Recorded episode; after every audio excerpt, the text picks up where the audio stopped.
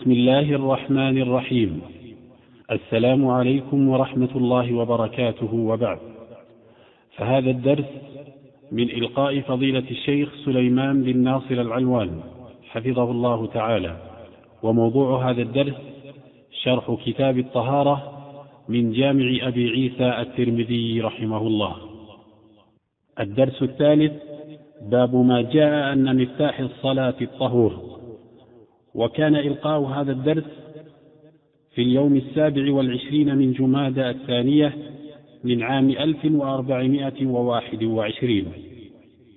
الحمد لله رب العالمين وصلى الله وسلم وبارك على عبده ورسوله نبينا محمد وعلى آله وصحبه أجمعين. قال الإمام الحافظ أبو عيسى الترمذي رحمه الله تعالى في سننه باب ما جاء أن مفتاح الصلاة الطهور. حدثنا قتيبة وهناد ومحمود بن غيلان قالوا حدثنا وكيع عن سفيان حاء وحدثنا محمد بن بشار. قال حدثنا عبد الرحمن بن مهدي قال حدثنا سفيان عن عبد الله بن محمد بن عقيل عن محمد بن الحنفية عن علي عن النبي صلى الله عليه وسلم قال مفتاح الصلاة الطهور وتحريمها التكبير وتحليلها التسليم. قال أبو عيسى هذا الحديث أصح شيء في هذا الباب وأحسن. وعبد الله بن محمد بن عقيل هو صدوق وقد تكلم فيه بعض أهل بعض أهل العلم من قبل حفظه. قال أبو عيسى وسمعت محمد بن إسماعيل يقول كان أحمد بن حنبل وإسحاق بن إبراهيم والحميدي يحتجون بحديث عبد الله بن محمد بن عقيل. قال محمد هو هو مقارب الحديث. قال أبو عيسى وفي الباب عن جابر وأبي سعيد حدثنا أبو بكر بن محمد بن زنجويه البغدادي وغير واحد قال حدثنا الحسين بن محمد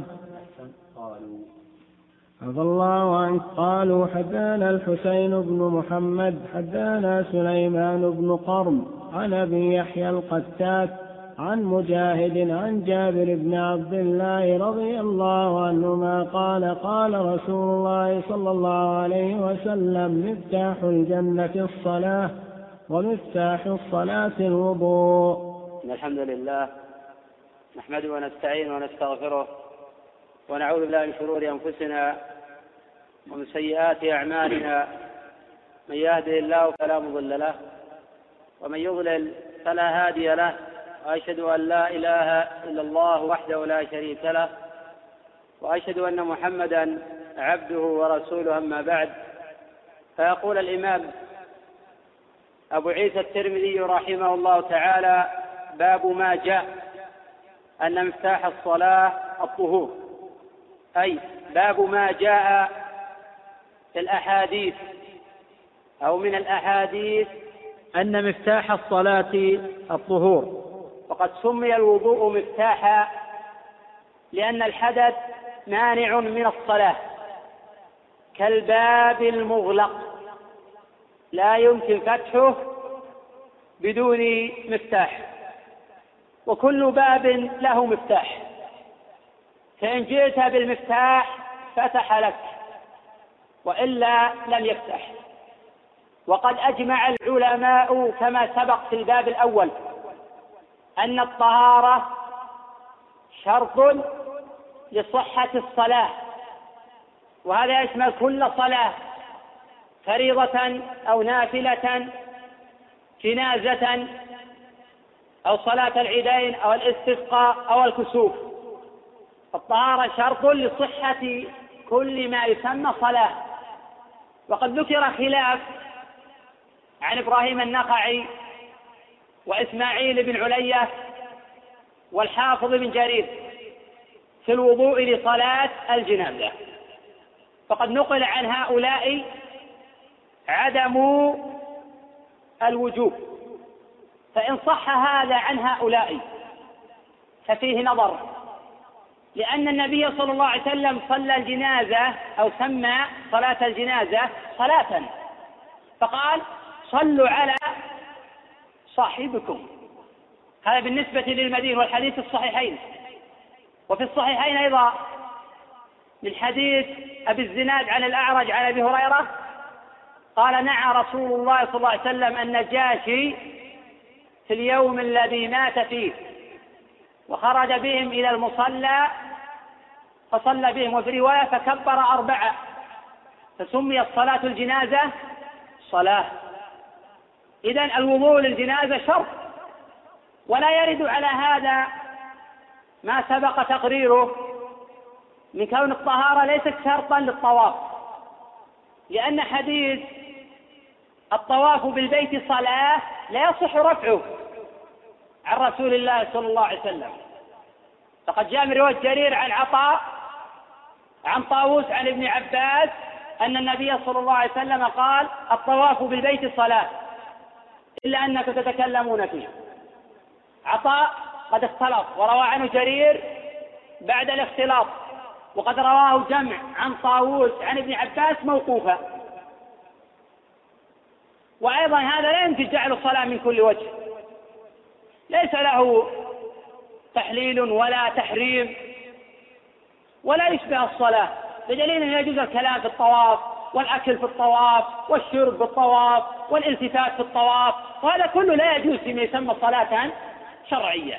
فإن الأكل يبطل صلاة الجنازة يبطل صلاة الكسوف يبطل صلاة الاستسقاء. ولهذا الطهارة للطواف لها حالتان. الحالة الأولى من الحدث الأكبر شرط لصحة الطواف ومن الحدث الأصغر سنة. وهذا قول طائفة من أهل الكوفة وهو مذهب منصور بن المعتمر وحماد بن أبي سليمان وهو اختيار شيخ الإسلام ابن تيمية رحمه الله تعالى.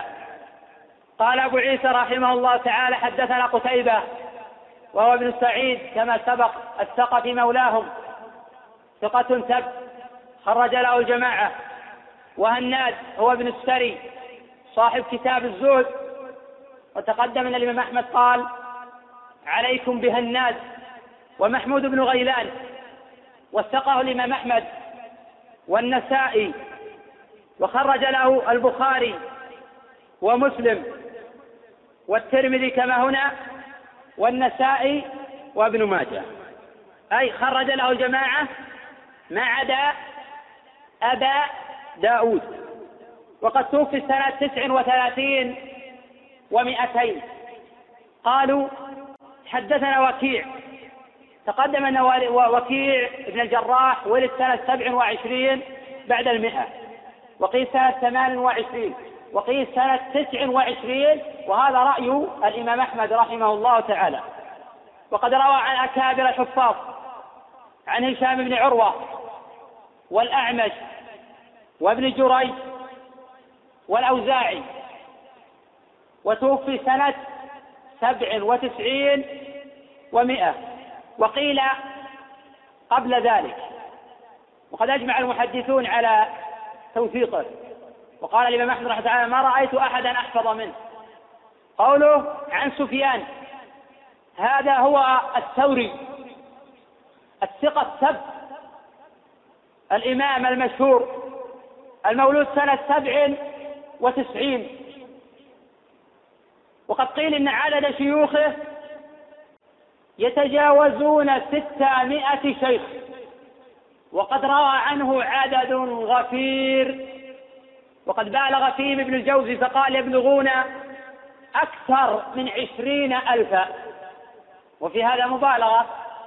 وقد أصاب الذهبي رحمه الله تعالى في السير حين قال فإن بلغوا ألفا فبالجهد وقد أوتي سفيان موهبة الحفظ والفهم حتى قال عن نفسه ما استودعت قلبي شيئا قط فخانني وقد خرج له الجماعة. وتوفي سفيان الثوري سنة إحدى وستين ومئة. حاء بالتحويل وانتقال من إسناد إلى إسناد آخر. وحدثنا محمد بن بشار المعروف ببندار سمي بندارا لأنه يبندر الحديث أن يحفظه ويضبطه. وقد ولد في السنة التي توفي فيها حماد بن سلمة.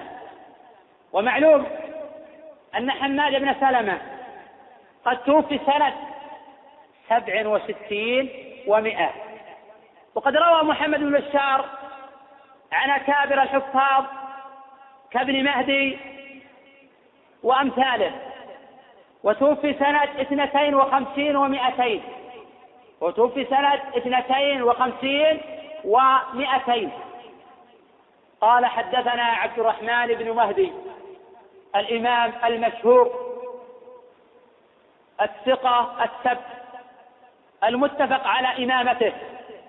وقد ولد سنة خمس وثلاثين ومائة وسمع من هشام الدستوائي وحماد بن سلمة ويونس بن أبي إسحاق السبيعي ومالك بن أنس وابن الماجشون.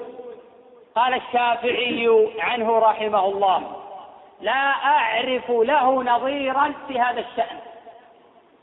قال الإمام الشافعي عن عبد الرحمن بن مهدي لا أعرف له نظيرا في هذا الشأن.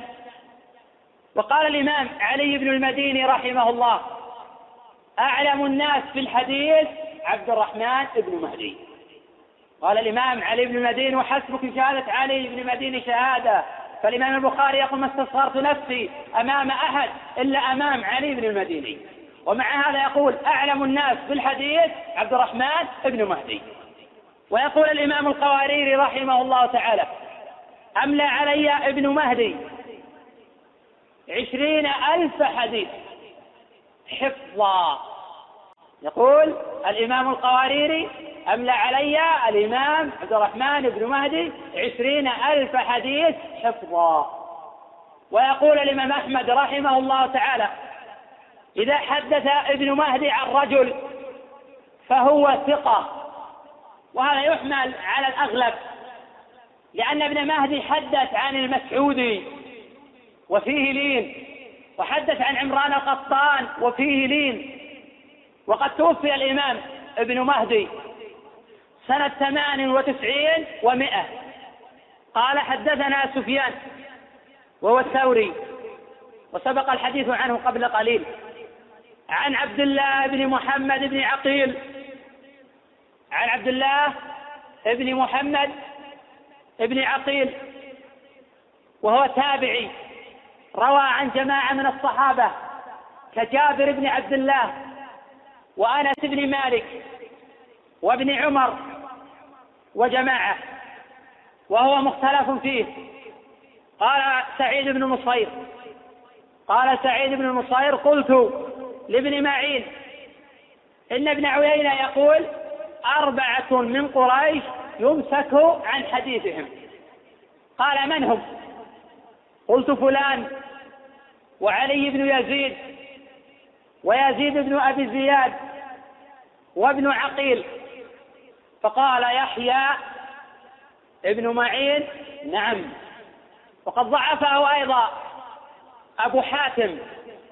والإمام أحمد وقال منكر الحديث بينما وثقه جماعة آخرون. فقد نقل أبو عيسى كما في الباب عن الإمام أحمد وإسحاق ابن إبراهيم والحميدي أنهم يحتجون بحديثه. وقال أبو عيسى كما هنا هو صدوق. ووثقه يعقوب وجماعة. الراجح في عبد الله بن محمد بن عقيل التفصيل. فلا يمكن الاحتجاج بحديثه مطلقا ولا يجوز رد حديثه مطلقا. فأقول حديثه على مراتب. المرتبة الأولى أن يخالف غيره فحينئذ يجب ترك حديثه. أن يخالف غيره من الثقات فحينئذ يجب ترك حديثه. لأن ابن عقيل ليس ممن يحمل أو ليس ممن يحتمل مخالفته فهو سيء الحفظ ولا يضبط ما يروي جيدا. المرتبة الثانية أن يتفرد بأصل فحينئذ لا نقبله. كما أنه إذا خالف لا نقبله فكذلك إذا تفرد بأصل فهو ليس بحجة إذا تفرد بأصل. المرتبة الثالثة. أن يروي ما يروي غيره فلا يخالف ولا يتفرد. أو يروي شيئا له أصل في الجملة. فالراجح حينئذ قبول حديثه. وعليه يحمل كلام بعض الآئمة في الاحتجاج بابن عقيل. فمن الأمثلة على مخالفته ما جاء في مسند الإمام أحمد وغيره من رواية حماد بن سلمة عن عبد الله بن محمد بن عقيل عن محمد بن الحنفية عن علي رضي الله عنه. قال كفنا رسول الله صلى الله عليه وسلم في سبعة أثواب هذا خبر منكر. والنكارة من عبد الله بن محمد بن عقيل. والحديث في الصحيحين من حديث عائشة قالت رضي الله عنها كفنا رسول الله صلى الله عليه وسلم في ثلاثة أثواب. وابن عقيل يقول في سبعة أثواب. فحين خالف ابن عقيل وجب علينا طرح حديثه. ومن ذلك ما رواه أبو داود وغيره من رواية عبد الله بن محمد بن عقيل عن الربيع بنت معوذ في صفة وضوء النبي صلى الله عليه وسلم. قالت ومسح رسول الله صلى الله عليه وسلم رأسه بماء كان في فضل يده. هذا منكر وفي اضطراب والاضطراب من ابن عقيل. فقد جاء في صحيح الإمام مسلم حديث عبد الله بن زيد أن النبي صلى الله عليه وسلم مسح رأسه بماء غير فضل يده. وهذا هو المحفوظ.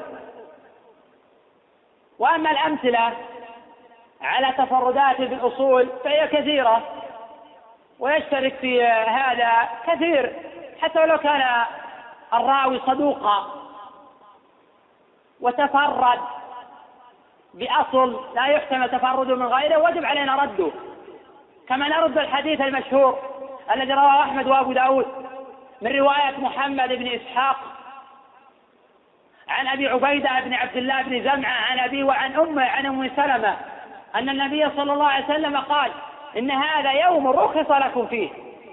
إذا رميتم جمرة العقبة أن تحلوا فإذا غربت الشمس ولم تطوفوا بالبيت عدتم حرمة أبدا. هذا معلول بعلل كثيرة في الإسناد والمتن. يشير إلى علل الإسناد بسرعة. لا يحمل تفرد محمد بن إسحاق وإن كان صدوقا. يجب ترك تفردات ابن إسحاق في الأحكام. العلة الثانية أنه لم يروي كبير أحد عن أبي عبيدة سواء ابن إسحاق. هذه علة أخرى غير العلة الأولى. العلة الثالثة تفرد أبي عبيدة عن أبيه وعن أمه. وأبو عبيدة وإن كان من رجال مسلم. وهو صدوق في الجملة غير أنه لا يحمل تفرده. وأنا كابر عن رواية الخبر. وفي علل أخرى أيضا في المتن. وما أحسن ما قال الإمام عبد الرحمن بن مهدي رحمه الله تعالى يقول احفظ عني ثلاثة. أي هذا تقسيم للرواة أي هذا تقسيم للرواة وتقسيم لطبقات المقبولين والمردودين منهم. يقول احفظ عني ثلاثة. رجل حافظ متقن فهذا لا يختلف فيه. أي لا يختلف في قبوله. كالسفيانين ومالك ويزيد بن هارون وحماد بن زيد ووكيع وابن جريج والزهري والإمام أحمد وأمثال هؤلاء الحفاظ. هؤلاء لا يختلف في قبول حديثهم. قال الثاني وآخر يهم والغالب على حديثه الصحة. فهذا لا يترك حديثه. ولو ترك حديث مثل هذا لذهب حديث الناس. وليس معنى قول ابن مهدي أنه يقبل مطلقا. فقد نقبله في حالة دون حالة. الحالة الثالثة يقول وآخر يهم والغالب على حديثه الوهم فهذا يترك حديثه. كالليث بن أبي سليم الأمثلة مني كالليث بن أبي سليم وابن لهيعة وعمر بن هارون وأمثال هؤلاء. والذي يظهر في حال عبد الله بن محمد بن عقيل أنه من الطبقة الثانية على التفصيل السابق. أي لا يمكن أن نقبل مطلقا. وهو بمنزلة عاصم ابن أبي النجود.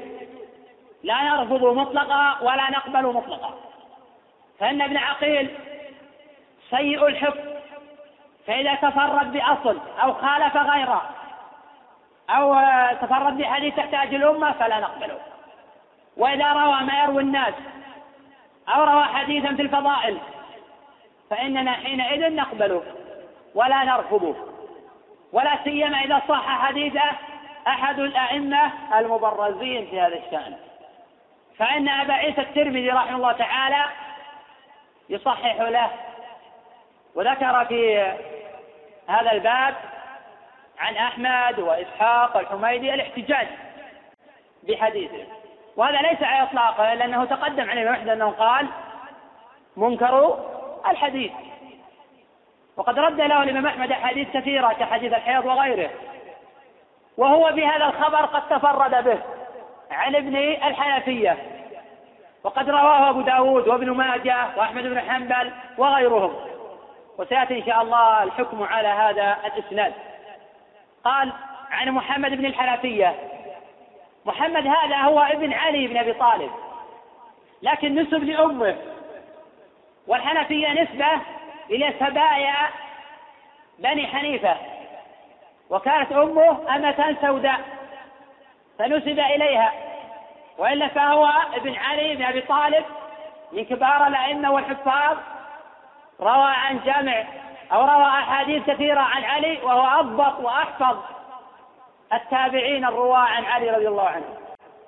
وابن الحنفية ينسب لأم للتعريف ويجوز نسبة العالم لأمه بقصد التعريف لا بقصد الاحتقار والازدراء كما يقال إسماعيل بن علية وكان ابن علية يغضب إذا قيل إسماعيل بن علية لكن من أجل التعريف وهذا ليس من الغيبة المذمومة إنما هو من باب التعريف وهذا جائز عند الأئمة إذا خشي يختلط بغيره.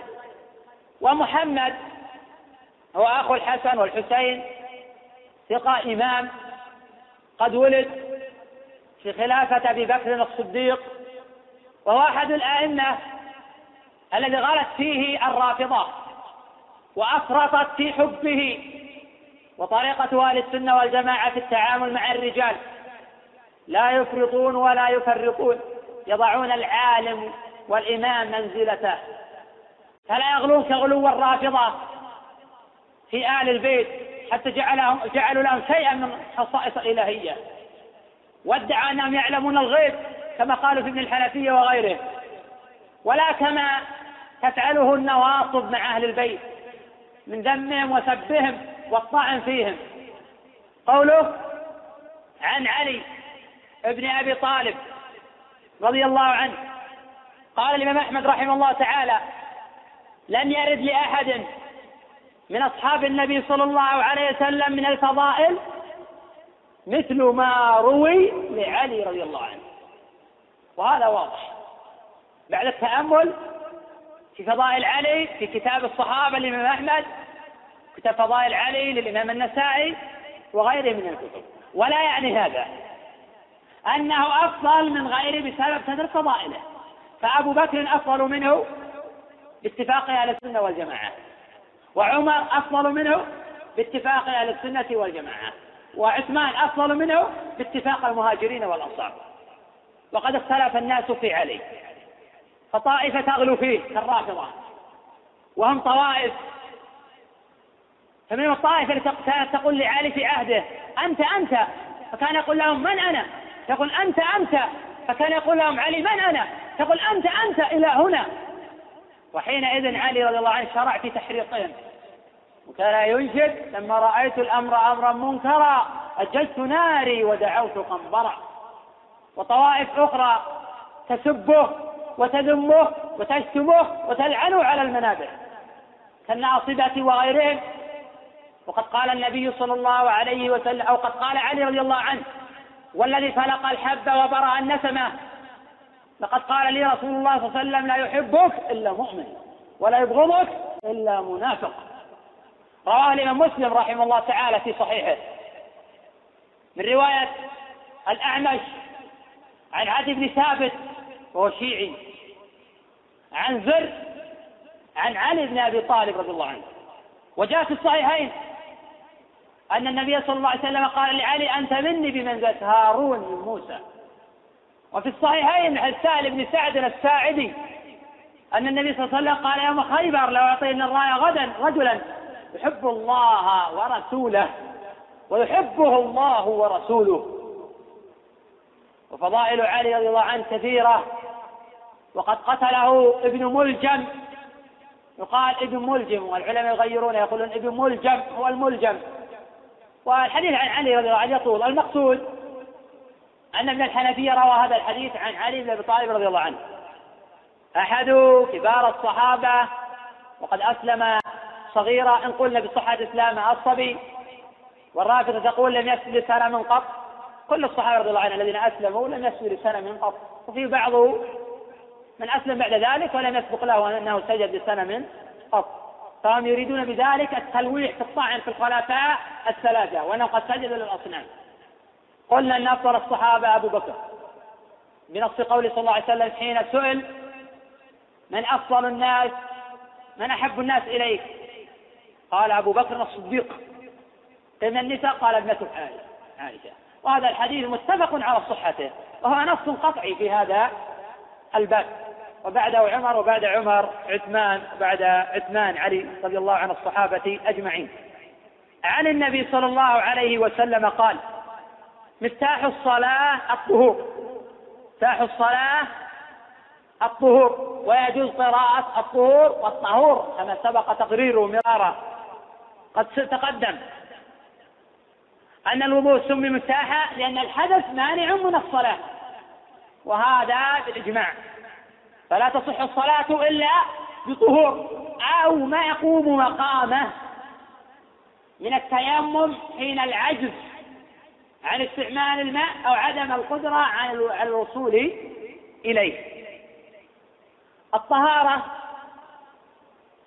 شرط لصحة الصلاة والحديث سيق في هذا الباب من أجل هذه اللفظة. فإن الترمذي يقول باب ما جاء أن مفتاح الصلاة الطهور. والنبي صلى الله عليه وسلم يقول مفتاح الصلاة الطهور. فلا تصح صلاة إلا بطهارة. وفي الصحيحين حديث أبي هريرة أن النبي صلى الله عليه وسلم قال لا يقبل الله صلاة أحدكم إذا أحدث حتى يتوضأ. والمراد بالوضوء الوضوء الشرعي. وأركان الوضوء ستة. غسل الوجه وغسل اليدين إلى المرفقين أي مع المرفقين. ومسح الرأس وغسل القدمين إلى الكعبين أي مع الكعبين. والترتيب والموالاة. على خلاف في جزئيات في بعض فروض الوضوء. فقد اختلف في تحديد الوجه. ثم اختلف في غسل اليدين إلى المرفقين هل تدخل الغاية في المغية أم لا؟ والراجح أن الغاية تدخل في المغية. وحد الوجه على الصحيح طول من منابت شعر الرأس إلى من حدر من اللحيين أي إلى الذقن وعرضه إلى فروع الأذنين. والراجح في اليدين يجب غسلهما مع المرفقين فالسنة تفسر القرآن. يا أيها الذين آمنوا إذا قمتم من الصلاة فاغسلوا وجوهكم وأيديكم إلى المرافق أي مع المرافق. وامسحوا برؤوسكم. البا هنا للإلصاق أي يجب تعميم الرأس بالمسح وهذا مذهب الإمام أحمد رحمه الله تعالى. فإن كل من وصف وضوء النبي صلى الله عليه وسلم ذكر عنه أنه يعمم رأسه بالمسح كما في حديث عبد الله بن زيد في الصحيحين. ذهب بدأ من مقدم رأسه ثم ذهب بهما إلى قفاه ثم رجع إلى المكان الذي بدأ منه. والمرأة كالرجل. المرأة كالرجل في ذلك. قوله وأرجلكم إلى الكعبين أي مع الكعبين. لأن فعل النبي صلى الله عليه وسلم يفسر الآية. ونحن نعلم أن كل من وصف وضوء النبي صلى الله عليه وسلم. أو الوضوء المنقول عن الصحابة رضي الله عنهم. ذكر أنه أدخل الكعبين في الغسل. أرجلكم الكعبين أي مع الكعبين. والترتيب. لأن الله جل وعلا حين ذكر الممسوح بين المغسولين ما ذكر هذا إلا لفائدة. ما هي الفائدة؟ هي الترتيب. لأن العرب لا تقطع النظير عن نظيره إلا لفائدة. ومن الفوائد هنا الترتيب. الشرط والفرض والركن الموالاة. يجب الموالاة في الوضوء. فلا يصح الوضوء إلا بموالاة. فلا يغسل وجهه ثم بعد عشر دقائق أو خمس دقائق يذهب يغسل يديه. هذا لا يصح. فإن الترتيب واجب. إلا ما لم يطل عرفا فيغتفر ذلك. وأحاديث وجوب المولاة كثيرة منها ما جاء صحيح مسلم في قصة صاحب آه، اللمعة. ورواه أبو داود أيضا. وتقدم. أن الوضوء شرط لكل ما يسمى صلاة. أن الوضوء شرط لصحة كل ما يسمى صلاة. سجود التلاوة لا يشترط له الوضوء. لماذا؟ لأنه لا يسمى صلاة. وهذا مذهب عبد الله بن عمر بن الخطاب. فقد كان يسجد لغير الوضوء ولغير القبلة. وهذا اختيار شيخ الإسلام ابن تيمية رحمه الله. وحينئذ تسجد المرأة على أي حالة كانت. فكانت حائضا أو غير حائض لأن هذا ليس بصلاة. بينما ذهب فقهاء الحنابلة وجماعة من فقهاء الشافعية إلى اشتراط الطهارة لسجود التلاوة لأنهم يعتبرونه صلاة والراجح أنه ليس بصلاة. إذ لا دليل على جعله صلاة لأن الصلاة مفتاحها التكبير وتحليلها التسليم. هذا ليس له لا تحريم ولا تحليل. فعلم أنه ليس بصلاة. وحينئذ يصح سجود التلاوة وسجود الشكر على غير وضوء ولغير القبلة ولكن يستحب السجود للقبلة والسجود على طهارة. قوله وتحريمها التكبير أي تحريم الصلاة تكبير أي أن التكبير يمنع الكلام والأكل والشرب. فبهذا الاعتبار سمي تحريما لها. والمراد بالتكبير هنا تكبير الإحرام. وتكبيرة الإحرام فرض عند الجمهور. وقال الزهري والأوزاعي إن تكبيرة الإحرام ليست بواجبة بل تنعقد الصلاة بمجرد النية. وفي هذا القول نظر. الصحيح مذهب الجمهور أن الصلاة لا تنعقد إلا بالتكبير. وفي الصحيحين وغيرهما من رواية سعيد بن أبي سعيد المقبري عن أبي عن أبي هريرة أن النبي صلى الله عليه وسلم قال للمسيء صلاته إذا قمت إلى الصلاة فكبر ثم اقرأ ما تيسر معك من القرآن. قول فكبر هذا أمر والأمر للوجوب. وحديث الباب حجة على ما نقل عن الزهري والأوزاعي من أن تكبيرة الإحرام ليست بواجبة بل هي ركن من أركان الصلاة. فلا تصح الصلاة إلا بالتكبير ولا يجزئ غير التكبير. فلو افتتح الرجل صلاته بتسعة وتسعين اسما من اسماء الله كأن يقول الله العظيم أو الله الجليل أو الله الظاهر أو الله الباطن أو الله الأول أو الله الآخر أو الله الباري أو الله المصور. لم تنعقد صلاته حتى يقول الله أكبر. هذا الوارد عن رسول الله صلى الله عليه وسلم. وفي صحيح البخاري من رواية أيوب بن أبي تميمة آه، ومن رواية آه، أيوب بن أبي تميمة السختياني عن أبي قلابة عن مالك بن الحويرث. أن النبي صلى الله عليه وسلم قال صلوا كما رأيتموني أصلي. وقد قال صلى الله عليه وسلم والحديث الصحيحين من رواية إبراهيم بن سعد عن أبيه عن القاسم بن محمد عن عائشة أن النبي صلى الله عليه وسلم قال من أحدث في أمرنا هذا ما ليس منه فهو رد. والواجب في ذلك كما تقدم الله أكبر. ولا يجوز قول الله الأكبر. الشافعي رحمه, رحمه الله تعالى لا يجوز قول الله العظيم أو الله الجليل بينما جوز الله الأكبر. لأن اللفظ لم يتغير إلا بزيادة الألف واللام. وعنه قول أنه لا يجوز الله الأكبر بل يجب الله أكبر. وهذا مذهب الإمام مالك والإمام أحمد وهو الصحيح عند الشافعية وهو قول أكابر المحدثين. وأجاز أبو حنيفة رحمه الله تعالى افتتاح الصلاة بكل شيء فيه تعظيم لله كقول الرجل الله الجليل الله أجل أو الله العظيم أو سبحان الله أبو حنيفة يجوز افتتاح الصلاة بقول سبحان الله وبقول لا إله إلا الله ولكن لو قال عند أبي حنيفة اللهم اغفر لي لم يجزه لأن في هذا طلب حاجة وهو لا يجوز إلا ما كان تعظيما محضا. وقول أبي حنيفة مردود من وجوه. الوجه الأول أن هذا خلاف المنقول عن رسول الله صلى الله عليه وسلم. في حديث الباب. وتحريمها التكبير وفي الحديث السابق المروي في الصحيحين من رواية سعيد بن سعيد المقبري عن أبي عن أبي هريرة أن النبي صلى الله عليه وسلم قال لمسيء صلاته إذا قمت إلى الصلاة فكبر وهذا أمر والأصل في الأمر أن يقتضي الوجوب. الوجه الثاني أن قول أبي حنيفة بدعة في الدين بدليل ما جاء في الصحيحين كما في الحديث السابق حديث عائشة. النبي صلى الله عليه وسلم قال نحدث بأمرنا هذا من ليس من فورات وتحديد البدعة هو الإحداث في الدين بدون دليل. وليس لأبي حنيفة دليل على قوله. إذا هذا إحداث في الدين بدون دليل. الوجه الثالث أنه لم يقل بقوله أحد من الصحابة وهم الحجة في هذا الباب. الوجه الرابع في القواعد الأصولية كل أمر انعقد سببه في عهد النبي صلى الله عليه وسلم. وفي عهد الصحابة. كل أمر انعقد سببه في عهد النبي وفي عهد الصحابة. ولم يفعلوه. مع إمكانية فعله. فإنه بدعة. وهذه قاعدة منطبقة تماما على هذا القول.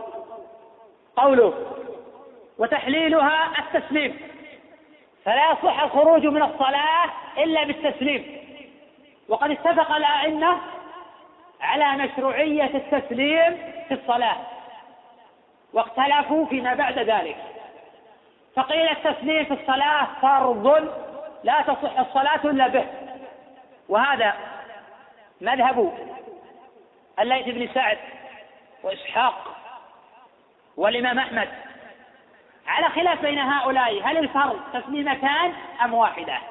قال الليث بن سعد الواجب واحدة وقال أحمد الواجب اثنتان. لأن فعل النبي صلى الله عليه وسلم يفسر هذا الحديث. ولأن كل من وصف صلاة النبي صلى الله عليه وسلم ذكر أنه يسلم تسليمتين.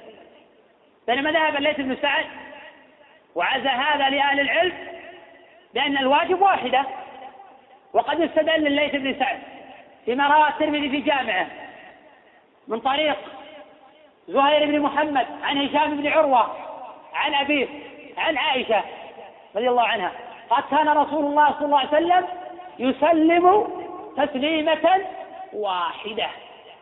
وهذا الإسناد معلول. وإن صححها بعض الحفاظ.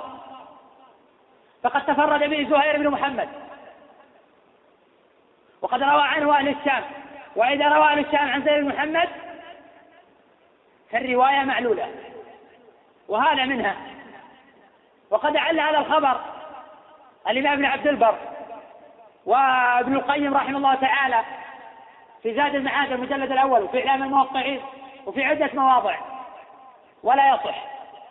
ولا يصح عن النبي صلى الله عليه وسلم حديث أنه سلم تسليمة واحدة.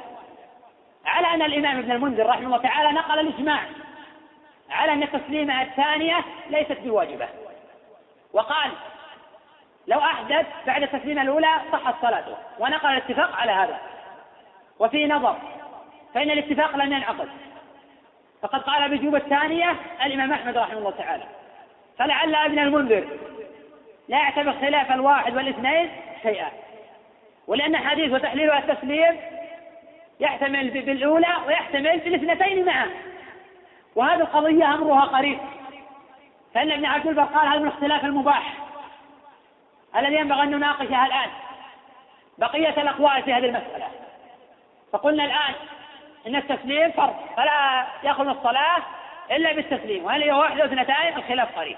القول الثاني في المسألة أنه لو تشاهد وبعد فراغ من التشهد أحدث صحت صلاته. وحينئذ يخرج من الصلاة بعد التشهد بأي كلام ينافي هيئة الصلاة. وهذا مذهب أبي حنيفة رحمه الله. وأبي يوسف ومن وافقهما على ذلك. وقال على قول صلى الله عليه وسلم تحليلها التسليم وعلى الأحاديث الواردة عن النبي صلى الله عليه وسلم في التسليم أنها على الاستحباب. واحتج بذلك في بعض الآثار الواردة عن علي. أنه إذا تشاهد وأحدث جازت صلاته وفي صحة هذا عن علي نظر. ويمكن رد قول أبي حنيفة من وجوه. ويمكن رد قول أبي حنيفة من وجوه. الوجه الأول أن النبي صلى الله عليه وسلم قال في هذا الحديث الجيد. وتحليلها التسليم. ولا يصح الخروج من الصلاة إلا بما يحللها ولا يحللها إلا التسليم. القول الثاني أن قول أبي حنيفة لم يصح بحديث وليس له أصل عن رسول الله صلى الله عليه وسلم. الوجه الثالث أن الحدث ينافي هيئة الصلاة. وما دام لم يسلم فهو في الصلاة. فإذا أحدث بطلت صلاته. فإذا بطلت يجب أن يذهب ويتوضأ. وهل يكمل ما بقي من صلاته أم يعيد من جديد؟ في ذلك قولان للفقهاء رحمهم الله. وسوف يأتي إن شاء الله الحديث عن هذه القضية في بابه. لكن نحن نريد أن نرد ونبين ضعف مأخذ أبي حنيفة رحمه الله. الوجه الثالث أن قول أبي حنيفة أو الوجه الرابع أن قول أبي حنيفة من الإحداث في الدين. فهو داخل في قوله صلى الله عليه وسلم من أحدث في أمرنا هذا ما ليس منه فهو رد. وفي البخاري حديث أيوب كما تقدم عن أبي قلابة عن مالك بن حويرث. أن النبي صلى الله عليه وسلم قال صلوا كما رأيتموني يصلي ولا نعلم رسول الله صلى الله عليه وسلم خرج من الصلاة بغير تسليم. وقد ورد الأحاديث عن رسول الله صلى الله عليه وسلم وكلها يذكر فيها التسليم وهي تزيد على خمسة عشر حديثا. ولم يرد في رواية واحدة منها أن خرج من الصلاة بغير التسليم. ومن يؤكد هذا الوجه الخامس حديث أبي هريرة في الصحيحين أن النبي صلى الله عليه وسلم قال لا يقبل الله صلاة أحدكم إذا أحدث حتى توضأ وهو قد أحدث في الصلاة. إذا لا تقبل صلاته حتى يتوضأ. وفي حديث ابن عمر السابق في الترمذي وقد رواه مسلم لا تقبل صلاة بغير وهو. قال أنا يسمى طاهرا وقد أحدث في أثناء الصلاة إذا صلاته باطلة. المذهب الثالث في هذه المسألة أنه لو جلس في التشهد أنه لو جلس التشهد ولو لم يكمل التشهد. وأحدث صحت صلاته. وهذا القول شاذ. وهذا القول شاذ. والصحيح في المسألة أن تحليل الصلاة التسليم. وهل يخرج من الصلاة بتسليمة واحدة؟ كما هو رأي الجمهور وذكره ابن المنذر إجماعا. أم لا بد من تسليمتين؟ كما هو مذهب أحمد. ورواية عن أحمد توافق مذهب الجمهور. الأحوط في هذه القضية. أن لا يخرج من الصلاة إلا بتسليمتين. وحينئذ لو أحدث بعد التسليمة الأولى يعيد الصلاة. وعلى رأي الجمهور لو أحدث بعد التسليمة الأولى صحت صلاته وهل للمأموم أن يقوم ليأتي بما بقي من صلاته بعد التسليمة الأولى؟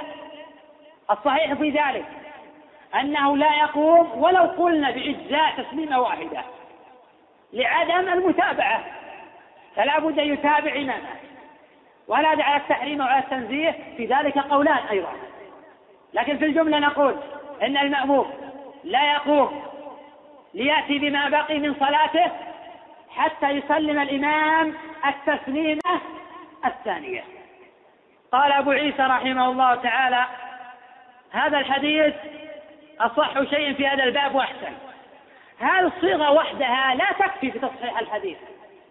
لكن نستفيد من هذا أن هذا الخبر أصح شيء في هذا الباب. مع أن هذا الحديث يصلح في الباب الأول لا تقبل صلاة بغير طهور. ويصلح إيراد ذاك الحديث في هذا الباب. وهناك صح حديث ابن عمر وقدم على غير من الأحاديث. لأن الشاهد من سياق الحديث هو مفتاح الصلاة الطهور. لكن لعل أراد هنا اللفظ. وما جاء في معناه من لفظه. كحديث جابر وحديث أبي سعيد كما سيأتي الكلام عنهما إن شاء الله تعالى. لكن من أين نأخذ إذا تصحيح الترمذي لهذا الحديث؟ نأخذه من قوله عن عبد الله بن محمد بن عقيل وهو صدوق. وقد تفرد بهذا الحديث إذا لا مانع من كون أبي عيسى يصح هذا الخبر. لو لم يرد إلا هذه الصيغة هذا الحديث صح شيء في هذا الباب. أحسن لم نجزم بكون الترمذي صحح الحديث. لكن حين قال وعبد الله بن محمد بن عقيل صدوق وقد تفرد بهذا الحديث نعلم أن الترمذي أراد تصحيح هذا الخبر. وهذا هو الذي فهمه الأئمة عن أبي عيسى رحمه الله تعالى.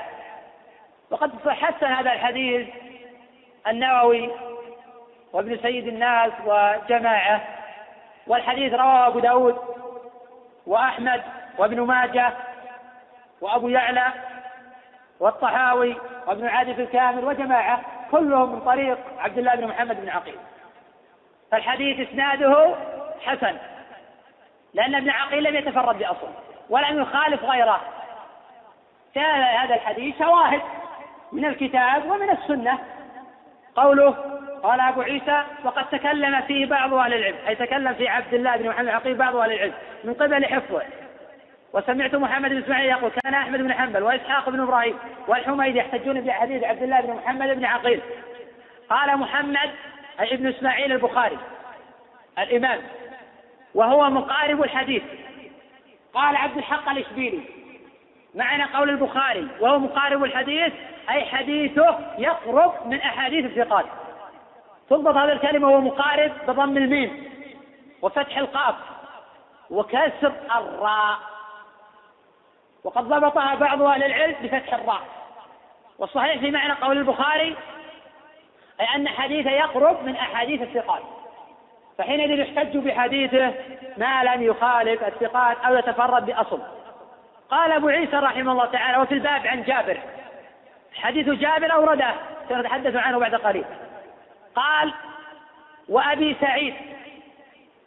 وسوف يأتي إن شاء الله حديث أبي سعيد في باب ما جاء على الحكاية في باب ما جاء في تحريم الصلاة وتحليلها.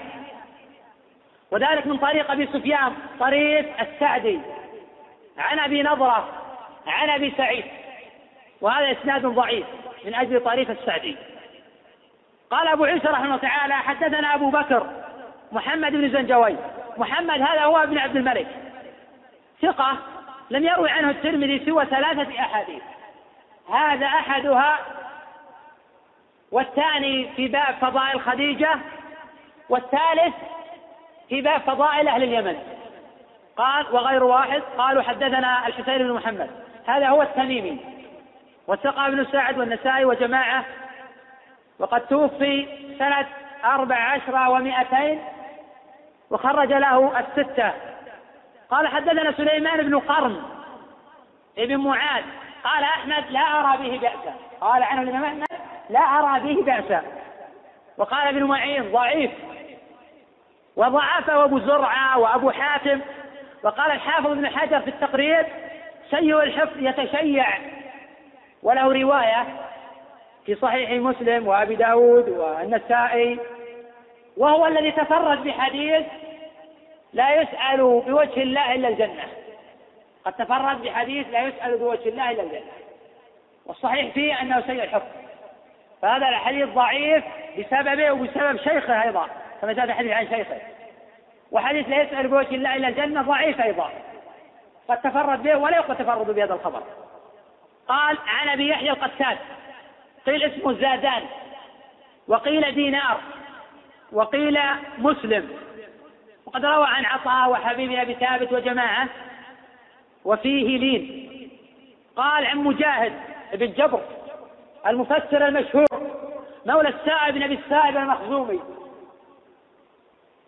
روى عن جماعة من الصحابة كعائشة وقد سمع منها على الصحيح وروى عن ابن عمر في ذلك خلاف وروى عن جابر وسمع منه وقد توفي سنة مئة وقيل إحدى ومئة عن ثلاث وثمانين سنة وقيل ولد سنة إحدى وعشرين في خلافة عمر وعليه تكون وفاته على الصحيح سنة أربع ومائة كما قال يحيى بن سعيد القطان وغيره عن جابر بن عبد الله الأنصاري الخزرجي السلمي وهو أحد أكابر أصحاب رسول الله صلى الله عليه وسلم وأحد الفقهاء ووالده عبد الله بن حرام الذي قتل في أحد وكلمه الله جل وعلا.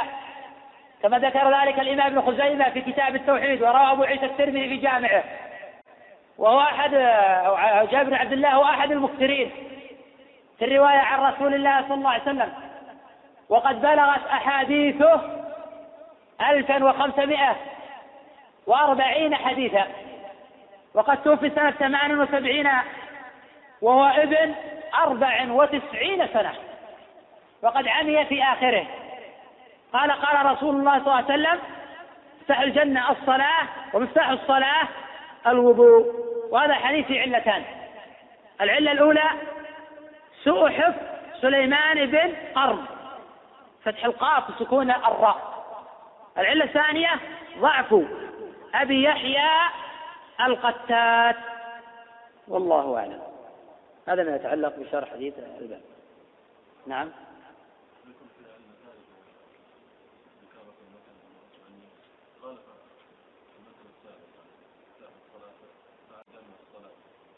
لفظة شاذة لفظة شاذة مفتاح الجنة الصلاة هذه لفظة شاذة صواب مفتاح الصلاة الطهور. ولكن بأن الخبر منكر أصلا. قد يكون الواهم من سليمان بن قرن قد يكون الواهم من أبي يحيى القتات وقد يكون قد سمع هذا الحديث فعلا بهذا اللفظ. ولكن الخبر معلول في الجملة ولا يثبت. نعم. نعم. سمع مجاهد من جهة التفرد يفهم من العرض آه، أنه يستفيد بوجود شواهد يعني من الكتاب والسنة حتى لو تكون يعني متابعات لرواة آخرين. الشواهد من الكتاب لا أقول بها، شواهد من السنة نعم. لأنني لا أعلم أحدا من الأئمة السابقين يصحح أو يحسن الأحاديث بشواهد من القرآن. هذه طريقة المتأخرين. حين يرد عليهم حديث لا يؤمن أحدكم. حتى يكون هواه تبع تبعا لما جئت به وقد تفرد بن نعيم بن حماد خزاعي يصححون هذا الخبر بشواهد من القرآن. كقوله تعالى فلا وربك لا يؤمنون وكقوله تعالى ترى الذين يزعمون على أن هاتين الآيتين. وما كان في معناهما لا يمكن جعلهما شواهد لمعنى هذا الخبر. لا من حيث المعنى ولا من حيث اللفظ. وحديث لا يؤمن أحدكم. حتى يكون هواه تبعا لما جئت به تفرد به نعيم حماد خزاعي ونعيم حماد خزاعي ضعيف الحديث مطلقا. قال أبو داود له عشرون حديثا ليس لها أصل. وقال الإمام النسائي رحمه تعالى كثر تفرده عن الأئمة المعروفين. فصار إلى حد من لا يحتج بخبره. وقد عل هذا الخبر بعض المتأخرين أيضا بالمتن. وقال إن الهوى لم يرد إلا على وجه الذم. وهذا غلط. لأن الهوى قد يرد على وجه آخر. كما قالت عائشة للنبي صلى الله عليه وسلم أرى ربك يسارع هواك حديث رواه البخاري في صحيحه. فقد يحسب بعض الناس بأثر ابن عباس الهوى في النار هذا الهوى المذموم هو أهل البدع وأهل الضلال وأهل الانحرافات. فعموما الأحاديث نحسنها بالشواهد من أحاديث أخرى. أما أما كوننا نحسن الأحاديث بشواهد من القرآن هذا لا نقول به ابدا. حين حين تقول نحسن الحديث أي بشواهد من الأحاديث. ولا أيضا نرقع ناخذ من بعض الأحاديث في الجملة شاهد هذه اللفظة وشاهد هذه اللفظة وشاهد هذه اللفظة فنرقع بعض الأحاديث هذه طريقة للمتاخرين ولا أعلم أحد من أهل السلف كان يصنع هذا. نعم. قول ابن حنيفه رحمه الله تعالى كان بعد التشهد. نعم. ما ما احتجوا بحديث ابن مسعود اذا اذا تشهد فقد تمت صلاته. هذا الحديث جاء في بعض طرقه عند الترمذي انه قد سلم فلا يمكن حينئذ الاحتجاج بحديث ابن مسعود أنه إذا قلت ذلك فقد تمت صلاتك هذا الحديث فسر على ضوء الروايات الأخرى عن ابن مسعود. وقد جاء في الروايات الأخرى عن ابن مسعود أنه سلم. وسوف يأتي إن شاء الله عند الترمذي وعند بعض أهل السنن أن ابن مسعود روى حديث التسليم. والتسليم السلام عليكم ورحمة الله. بدون زيادة وبركاته لأنها شاذة. رواها أبو داود وابن حبان وجماعة وهي شاذة. ولو اقتصر على السلام عليكم أجزى لكن الأكمل والأفضل السلام عليكم ورحمة الله. فلا ينقص ولا يزيد. ولو فرضنا أن حديث ابن مسعود في هذه اللفظة ونضعف الروايات الأخرى الواردة في التسليم فينبغي أن نفهم ذلك على ضوء الروايات الأخرى. بدليل أن ابن مسعود يقول في صلاة الجنازة ثلاث تركهن الناس. ولا روى البيهقي بسند صحيح عن ابن مسعود. التسليم على الجنائز كالتسليم على الصلاة. فهذا إسناد صحيح. فعلم من كلام مسعود أنه لا يرى الصلاه بدون التسليم. لأنه يعيب الناس على ترك التسليم. وهذا واضح بحمد الله نعم.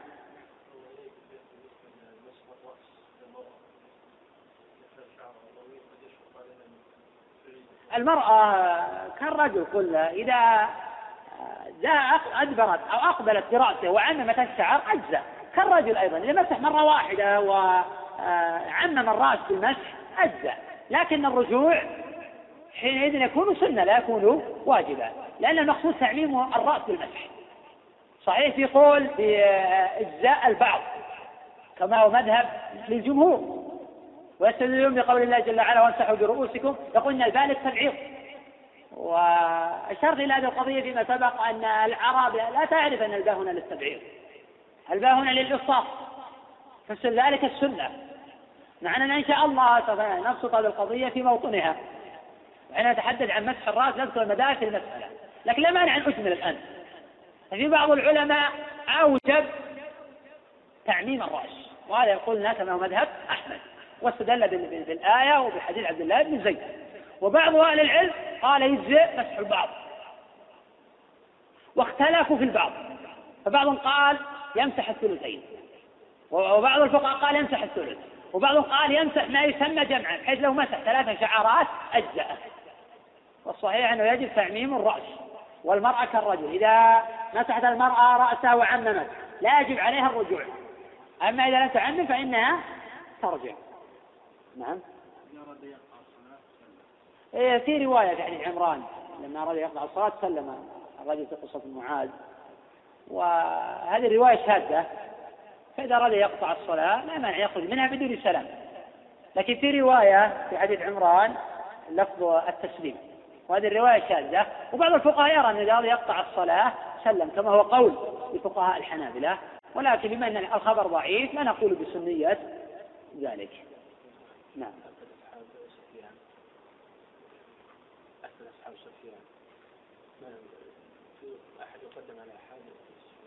والله أصحاب سفيان كثيرون. أصحاب سفيان كثيرون ولكن فيما يظهر والعلم عند الله أن أثبت أصحاب سفيان وكيع لأن من الحفاظ المتقنين. وقال الإمام أحمد رحمه تعالى ما رأيت أحدا أحفظ من وكيع. فقد يقال بأن أثبت أصحاب سفيان وكيع وابن مهدي وفيه أيضا غيرهما. لكن فيما أحفظ الآن أن أثبت أصحاب سفيان وكيع وابن مهدي لأنه كما سبق أن عدد شيوخه ستمائة وقيل أن عدد تلاميذه يبلغون ألفا. وقول ابن الجوزي يبلغون عشرين ألفا فقد أنها مبالغة. وتقدم الحديث عن عبد الرحمن بن مهدي وأنه من أحفظ الناس وأضبطهم لما يروي. فلا يبعد أن يكون أوثق من وكيع في سفيان لكن في الجملة هما أضبط الناس لأحاديث سفيان. الله نعم. وكيع يقول أنه ولد سنة سبع وعشرين وقيل سنة ثمان وعشرين وقيل ولد سنة تسع وعشرين.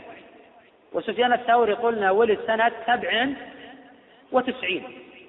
سفيان ولد سنة سبع وتسعين وتوفي سنة إحدى وستين أو اثنتين وستين ومئة إذا كنا قلنا في السابق توفي سنة مئة وستة وعشرين غلط هذا. نعم. اللواتي لهن شعر طويل.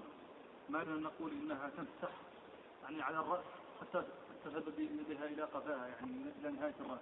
ثم ترسل. دون أن تعمم المسح على كل الشعر الباقي. المراد التعميم ولكن لو عمل بالصيغه توافق حديث عبد زيد أفضل.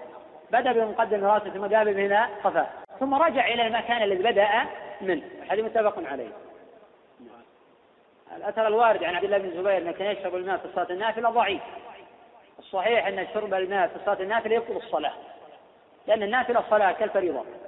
صحيح أنه يرخص في النافلة أنه لا يرخص في الفضيلة في الفريضة يجوز الجلوس في النافلة ما لا يجوز في الفريضة؟ ولكن لا لا يجوز فعل ما ينافي هيئتها.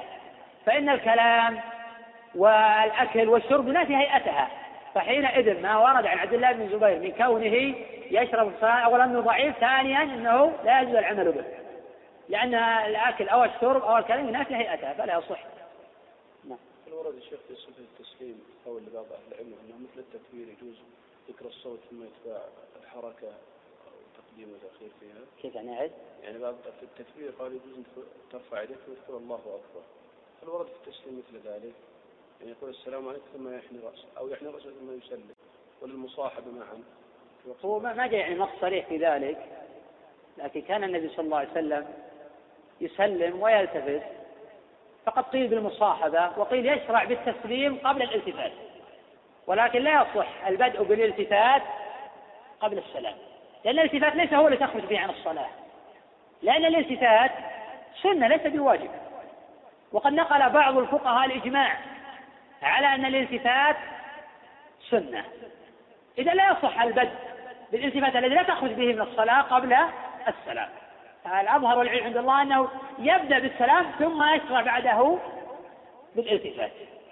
وهذا أولى من الجمع بينهما في آن واحد. تحريك الرأس شيخ لا لا يصح رفع الرأس ولا تحريكه لأن الرأس مستوية. ثم بعد ذلك إذا قال السلام عليكم بدأ بالالتفات. نعم. في قوله صلى الله عليه وسلم لا تسبقون بالركوع ولا بالسجود ولا بالانصراف. في ذلك قولان ولا بالانصراف. قيل المراد لا تسبقوني بالانصراف أي بالسلام. على ما كانوا عليه من قبل. الإنسان إذا جلس وتشاهد من قبل جاز له أن ينصرف. فنسخ هذا الأمر. وعلى هذا التفسير يصلح هذا الحديث حجة على أبي حنيفة. المعنى الثاني ولا بالانصراف أي بعد السلام حتى ألتفت إليكم. والقول الأول أصح. بدليل قرن الانصراف بالركوع وبالسجود. لا تسبقوني بالركوع ولا بالسجود ولا بالانصراف على ما كان يفعلونه من قبل. فعلى هذا الحديث عليه هذا هذا حديث ضاف حجة على أبي حنيفة رحمه الله. مقام أن يسلم مرة واحدة آه، لما تذكر في بيته كبرى كما في البخاري. هذا لحاجة وأيضا ليس هذا حراما إنما هو هذا السنة. وأيضا قيل لئلا يدركوا من انصرف من النساء وذاك ورد في حديث آخر. أي نعم. نعم ذكرت فيما سبق في الحديث آه، الذي رواه مسلم في صحيحه من طريق الأعمش عن عدي بن ثابت عن زر عن علي رضي الله عنه. قال والذي سلق الحبة وبراء النسمة إنه لعهد النبي الأم إلي ألا يحبني إلا مؤمن ولا يبغضني إلا منافق. قلت عن عدي بن ثابت بأنه شيعي. والشيعي غير الرافضي في عرف أئمة السلف. فإن أهل العلم كالبخاري ومسلم وأصحاب السنن يخرجون للشيعي إذا ثبت صدقه. ويمكن أن نقول أن التشيع نوعان. نوع بلا غلو. كالذين يفضلون عليا على عثمان وقد يطعنون في عثمان وفي جمع من بني أمية كمعاوية وغيره. ولا يحطون من قدر أبي بكر ولا عمر.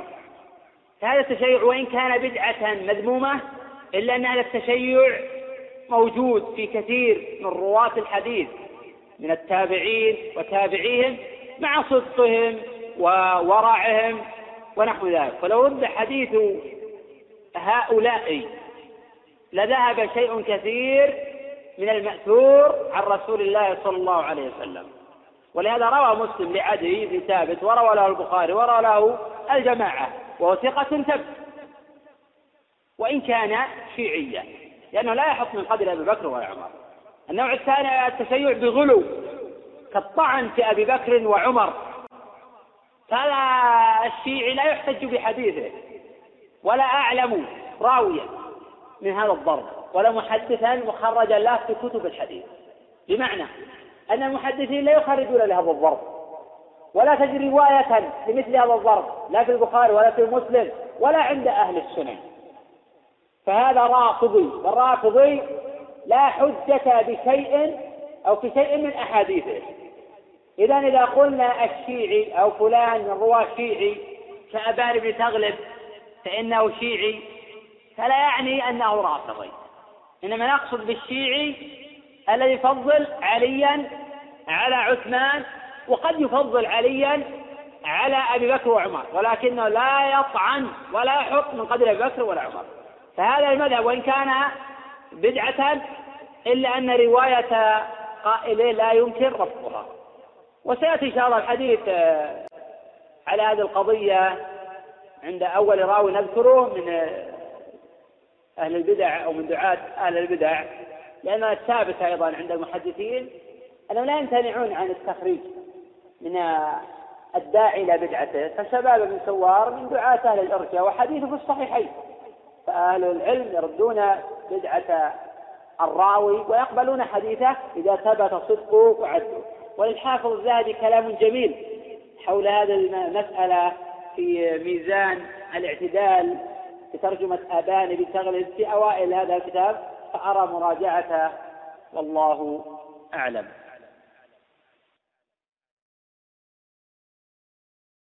بسم الله الرحمن الرحيم. السلام عليكم ورحمة الله وبركاته وبعد. فهذا الدرس من إلقاء فضيلة الشيخ سليمان بن ناصر العلوان حفظه الله تعالى. وموضوع هذا الدرس شرح كتاب الطهارة من جامع أبي عيسى الترمذي رحمه الله. الدرس الرابع باب ما يقول إذا دخل الخلاء. وكان إلقاء هذا الدرس في اليوم التاسع والعشرين من جمادى الثانية من عام ألف وأربعمائة وواحد وعشرين. الحمد لله رب العالمين وصلى الله وسلم على عبده ورسوله نبينا محمد وعلى آله وصحبه أجمعين. قال الإمام الحافظ أبو عيسى الترمذي رحمه الله تعالى في سننه باب ما يقول إذا دخل الخلاء. حدانا قتيبة وهناد قال حدانا وكيع عن شعبة عن عبد العزيز بن صهيب عن أنس بن مالك قال كان النبي صلى الله عليه وسلم إذا دخل الخلاء قال اللهم إني أعوذ بك قال شعبة وقال مرة وقال وقد قال مرة أخرى أعوذ بك من الخبث والخبيث صحيح أعوذ بالله في نصف صحيح أعوذ بك. في أكثر النسخ آه، أعوذ بالله. عفى الله عنه قال شعبة وقد قال مرة أخرى أعوذ بالله من الخبث والخبيث أو الخبث والخبائث. قال أبو عيسى وفي الباب عن علي وزيد بن أرقم وجابر وابن مسعود. قال أبو عيسى حديث أنس أصح شيء في هذا الباب وأحسن. وحديث زيد بن أرقم في إسناده اضطراب.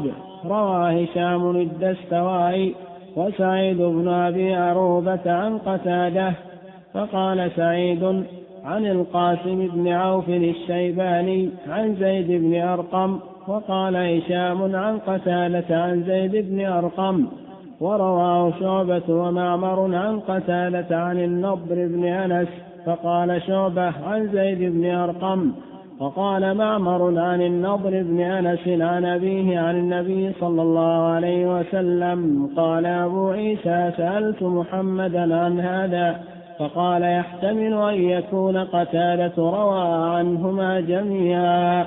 أخبرنا أحمد بن عبدة الضبي البصري حد قال حدانا حماد بن زيد عن عبد العزيز بن صعيب عن أنس بن مالك أن النبي صلى الله عليه وسلم كان إذا دخل الخلاء قال اللهم إني أعوذ بك من الخبث والخبائث.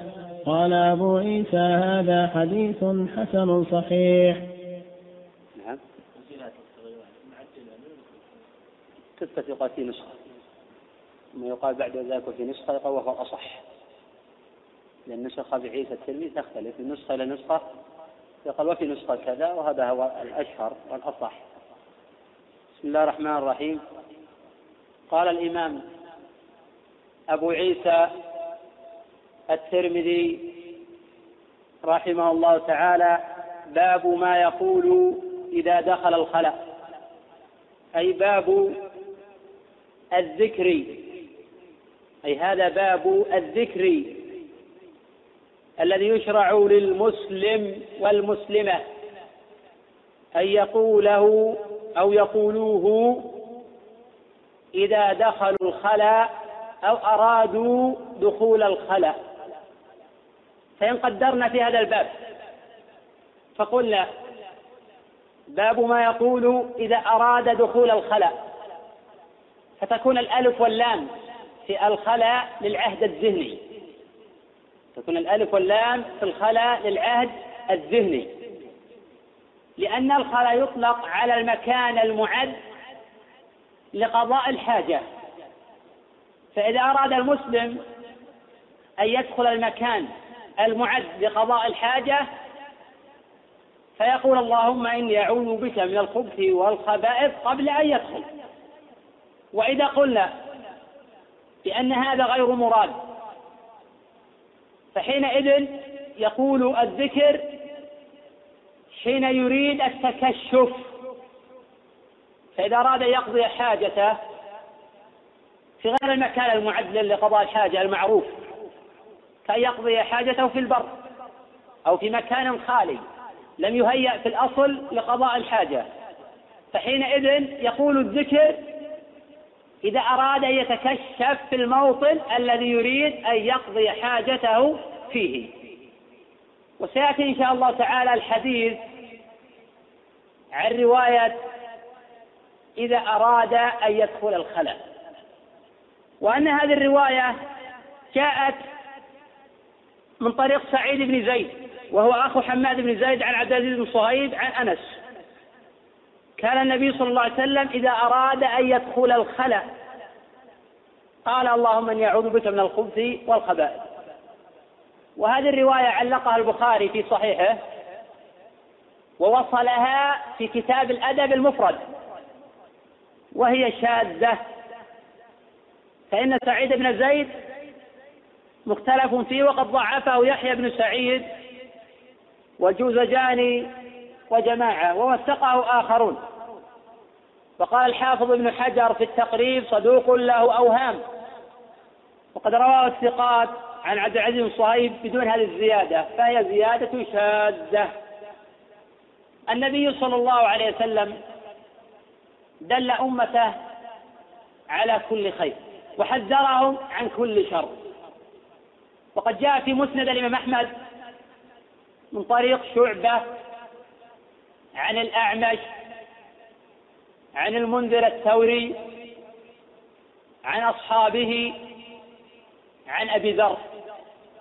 قال لقد تركنا رسول الله صلى الله عليه وسلم وما طائر يقلب جناحيه في الهوى إلا وذكر, وذكر لنا منه رسول الله صلى الله عليه وسلم عنا وفي صحيح مسلم حديث عبد الله بن عمرو بن العاص أن النبي صلى الله عليه وسلم قال ما بعث الله نبيا إلا كان حقا عليه يدل أمته على خير ما يعلمه لهم وأن ينهاهم عن شر ما يعلمه لهم. وحين قال اليهودي لسلمان الفارسي رضي الله عنه لقد علمكم نبيكم كل شيء حتى القراءة. قال أجل. أي نعم. علمنا نبينا صلى الله عليه وسلم كل شيء حتى القراءة. رواه الإمام مسلم رحمه الله تعالى في صحيحه. فمن العلم الذي نتعلمه من هدي رسول الله صلى الله عليه وسلم ومن سنته الثابتة الصحيحة ماذا نقول؟ إذا دخلنا الخلاء. فإن هدي محمد صلى الله عليه وسلم أتى على كل خير. فليس هناك خير تجاوزه هديه. فقد يأتي الحديث صريحا وقد يأتي مفهوما أو بقرائن تدل على ذلك. وما هناك شر إلا وحذرنا منه رسول الله صلى الله عليه وسلم. كما قال طارق بن شهاب عن عمر بن الخطاب قال قام فينا رسول الله صلى الله عليه وسلم مقامه فذكر بدء الخلق حتى دخل أهل الجنة منازلهم وأهل النار منازلهم. حفظ ذلك من حفظه ونسيه من نسيه. ذكره البخاري رحمه الله تعالى في صحيحه تحت باب كتاب بدء الخلق. فالنبي صلى الله عليه وسلم بين كل شيء. كما قال تعالى ما فرطنا في الكتاب من شيء. فالذكر الذي يقول عند دخول الخلاء وعند الخروج علمنا. بل ما هو أدق من ذلك؟ علمنا ماذا نقول؟ إذا أراد الرجل أن يجامع أهله. ففي الصحيحين حديث ابن عباس أن النبي صلى الله عليه وسلم قال لو أن أحدكم إذا أراد أن يأتي أهله قال بسم الله اللهم جنبنا الشيطان.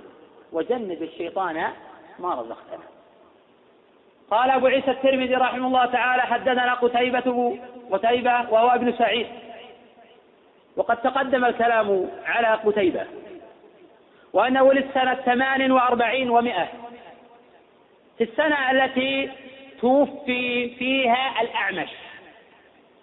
وقد توفي سنة أربعين ومائتين وهو ثقة ثبت. وقد خرج له الجماعة وهناد. أن يشتري قتادة وهناد في الرواية عن وكيع. وهناد هو ابن السري التميمي صاحب كتاب الزهد. ثقة. قد تقدم قول الإمام أحمد عنه عليكم بهناد وكان وكيع يذكره بخير. قال حدثنا وكيع هو ابن الجراح وهو ثقة ثقة. قد تقدم كلام أئمة الشأن فيه وأنه ولد سنة سبع وعشرين ومائة وقيل سنة ثمان وعشرين ومائة وقيل سنة تسع وعشرين ومائة وتوفي سنة سبع وتسعين ومائة قال عن شعبة. شعبة هذا هو ابن الحجاج. ابن الورد. الإمام الحافظ. أمير المؤمنين في الحديث. ولد الإمام شعبة سنة ثمانين. وقيل ولد سنة اثنتين وثمانين. وروى عن أكابر الحفاظ عن قتادة والأعمش وأبي إسحاق السبيعي وأنس بن سيرين. وقيل يبلغ عدد شيوخه ثلاثمائة شيخ.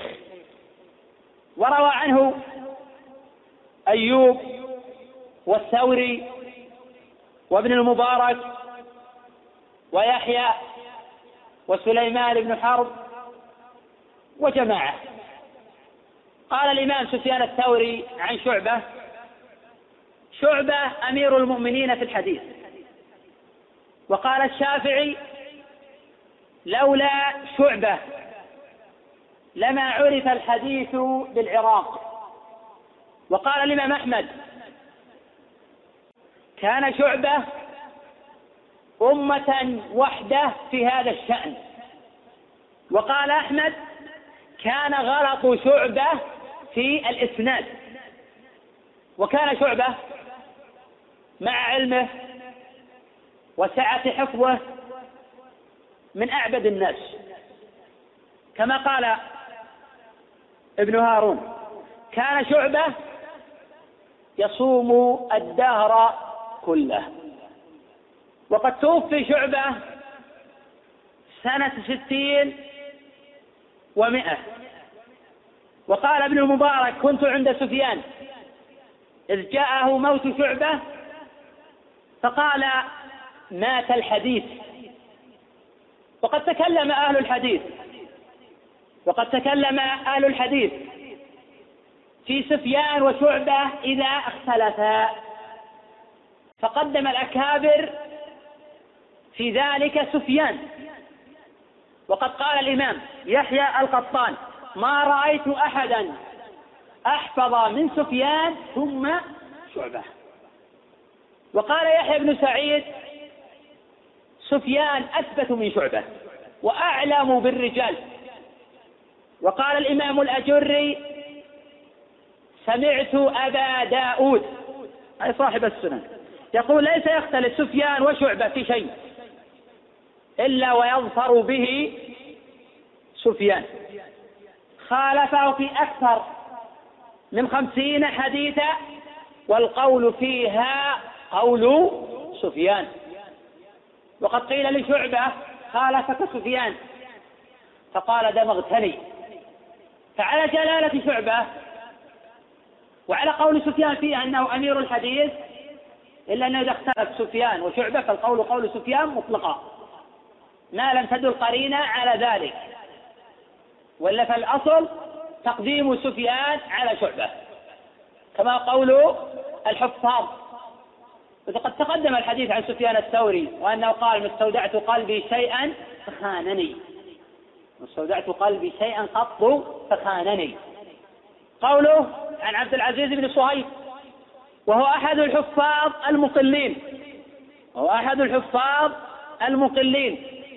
لا أعلمه روى عن أحد من الصحابة غير أنس. وقد روى عنه شعبة وهشيم وابن علية وحماد بن زيد وحماد بن سلمة وعبد الوارث بن سعيد. قال الإمام شعبة عبد العزيز في أنس أحب إلي من قتادة عن أنس. وقال الإمام أحمد عن ابن صهيب ثقة ثقة. وقد روى له الجماعة وتوفي سنة ثلاثين ومائة قوله عن أنس. أنس هو ابن مالك الأنصاري. ولد قبل الهجرة بعشر سنين. فقد قال قدم النبي صلى الله عليه وسلم المدينة وأنا ابن عشر سنين وتوفي وأنا ابن عشرين سنة. رواه الإمام مسلم وغيره. وقد روى أنس بن مالك عن النبي صلى الله عليه وسلم ألفين ومائتين وستة وثمانين. روى عن النبي صلى الله عليه وسلم ألفين ومائتين وستة وثمانين. وله أصحاب وتلاميذ كثيرون أشهرهم الحسن البصري وقتادة وابن سرين والشعبي وأبو قلابة وثابت البناني وحميد الطويل. وكما هنا وعبد العزيز بن صهيب. توفي سنة إحدى وتسعين وقيل اثنتين وتسعين وقيل سنة ثلاث وتسعين وهو الأشهر. سيكون عمره على هذا القول مئة وثلاث سنين. قال كان النبي صلى الله عليه وسلم كان في حق النبي صلى الله عليه وسلم قد تفيد الدوام والاستقرار قد تفيد الدوام والاستمرار وقد لا تفيد ذلك. نعتبر ذلك على حسب القرائن وما يحتف بالحديث من ذلك ونعتبر الحديث بالأحاديث الأخرى. فقد يقول الصحابي كان النبي صلى الله عليه وسلم يفعل كذا وكذا. ويأتي عن صحابي آخر ما يفيد أن هذا ليس على وجه الدوام وليس على وجه الاستمرار. وقد يفيد الغالب إذا دخل. في رواية سعيد بن زيد عن عبد العزيز بن صهيب عن أنس إذا أراد أن يدخل وهذه الرواية شاذة كما سبق فإن سعيد بن زيد وهو أخو حماد بن زيد لا يحمل تفرده في هذه الرواية. فقد روى الخبر عن عبد العزيز بن صهيب جمع ولم يذكر واحد منهم ما ذكر سعيد. وممن روى عن عبد العزيز بن صهيب شعبة وحماد بن زيد وهشيم وابن علية ولم يذكر واحد منهم ما ذكر سعيد. على أن سعيد بن زيد قد طعن فيه جماعة من الحفاظ كيحيى بن سعيد والجوزجاني وغيرهما ووثقه جماعة وهو يخطي ولعل هذا من خطأه. قوله إذا دخل ظاهر هذا الحديث أنه يقول الذكر بعد الدخول في الخلاء وإذا ظرف لما يستقبل من الزمن بخلاف إذ فإن ظرف لما مضى من الزمن. كان إذا دخل أي إذا دخل الخلاء؟ فإن قلنا أن الخلاء هنا الألف واللام للعهد الذهني أي هو المكان المعد للحاجة المعروف فيما بينهم.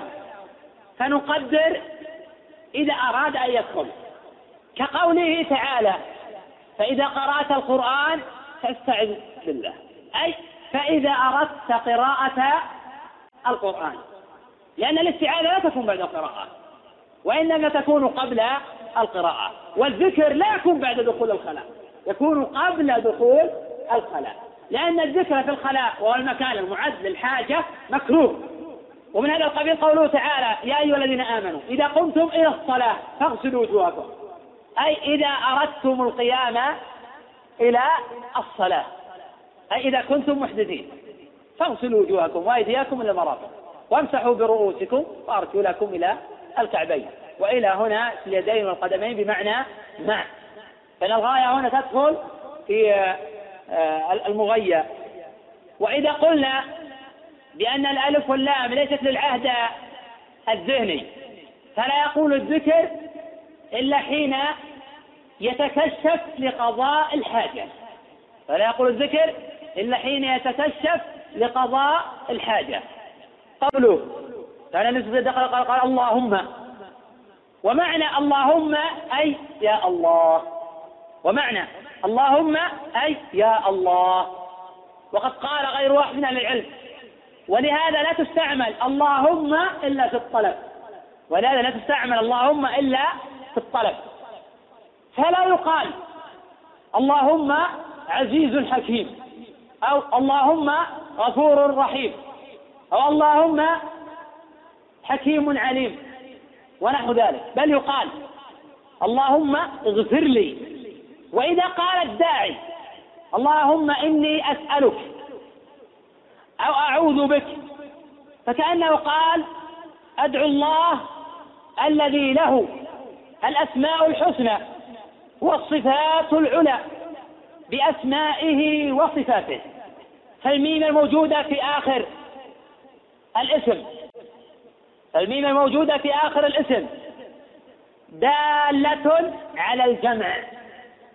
الميم الموجودة في آخر الاسم دالة على الجمع. اللهم الميم الموجودة في آخر دالة على الجمع وقد قال الحسن البصري رحمه تعالى اللهم مجمع الدعاء. وقال أبو رجاء العطاردي إن الميم في قوله اللهم فيها تسعة وتسعون اسما من أسماء الله تعالى. وحينئذ فمن دعا الله بأللهم فقد دعا الله في جميع أسمائه جل وعلا. قوله إني أعوذ بك. وقد قال شعبة مرة أعوذ بالله. العياد هو الالتجاء والاعتصام بالله جل وعلا. أعوذ بمعنى ألتجئ وأعتصم بالله. والعياذ لا يكون للدافع المكروه. بخلاف الليان. فإنه لطلب الخير والمحبوب. والاستعاذة بالله عبادة. لا تجوز إلا لله جل وعلا. فلا يجوز تقول أعوذ بالله أعوذ بك. فإذا قال العبد أعوذ بالمخلوق صار مشركا. قد قال تعالى قل أعوذ برب الفلق قل أعوذ برب الناس. وإما يزغنك من الشيطان نزغ فاستعذ بالله. فالاستعاذة بغير الله شرك لأن الاستعاذة كما هنا عبادة. وصرف العبادة لغير الله شرك. قوله من الخبث والخبيث. الخبث بضم الخاء وسكون الموحدة. ويجوز ويجوز ضمها. فتقول من الخبث والخبيث. أو الخبث والخبائث. قيل المعنى الاستعاذة من شر شياطين الجن أو من ذكورهم وإناثهم. من شر ذكور الجن وإناثهم. وهذا القول هو المشهور عند كثير من أهل العلم. وقد قيل إن المقصود الخبث هو الشيء المكروه والقبيح. فأنت تستعيذ بالله من كل مكروه وقبيح من كل شيء. ولهذا قال ابن الأعرابي وجماعة فإن كان من الكلام فهو الشتم وإن كان من الملل فهو الكفر وإن كان من الطعام فهو الخبيث والحرام وإن كان من الشراب فهو الضار. وعلى هذا القول يكون معنى الخبائث الأفعال المذمومة. مما يشهد للأول أن المقصود بالخبث الشياطين ما رواه ابن ماجه في سننه من طريق عبيد الله بن زحر عن علي بن يزيد عن القاسم عن أبي أمامة أن النبي صلى الله عليه وسلم كان يقول اللهم اني اعوذ بك من الرجس النجس الخبيث المخبث الشيطان الرجيم.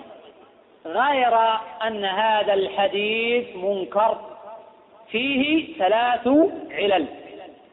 العلة الأولى عبيد الله بن زحر سيء الحفظ العلة الثانية علي بن يزيد هو الألهاني متروك الحديث. العلة الثالثة نعم. يزيد علي بن يزيد.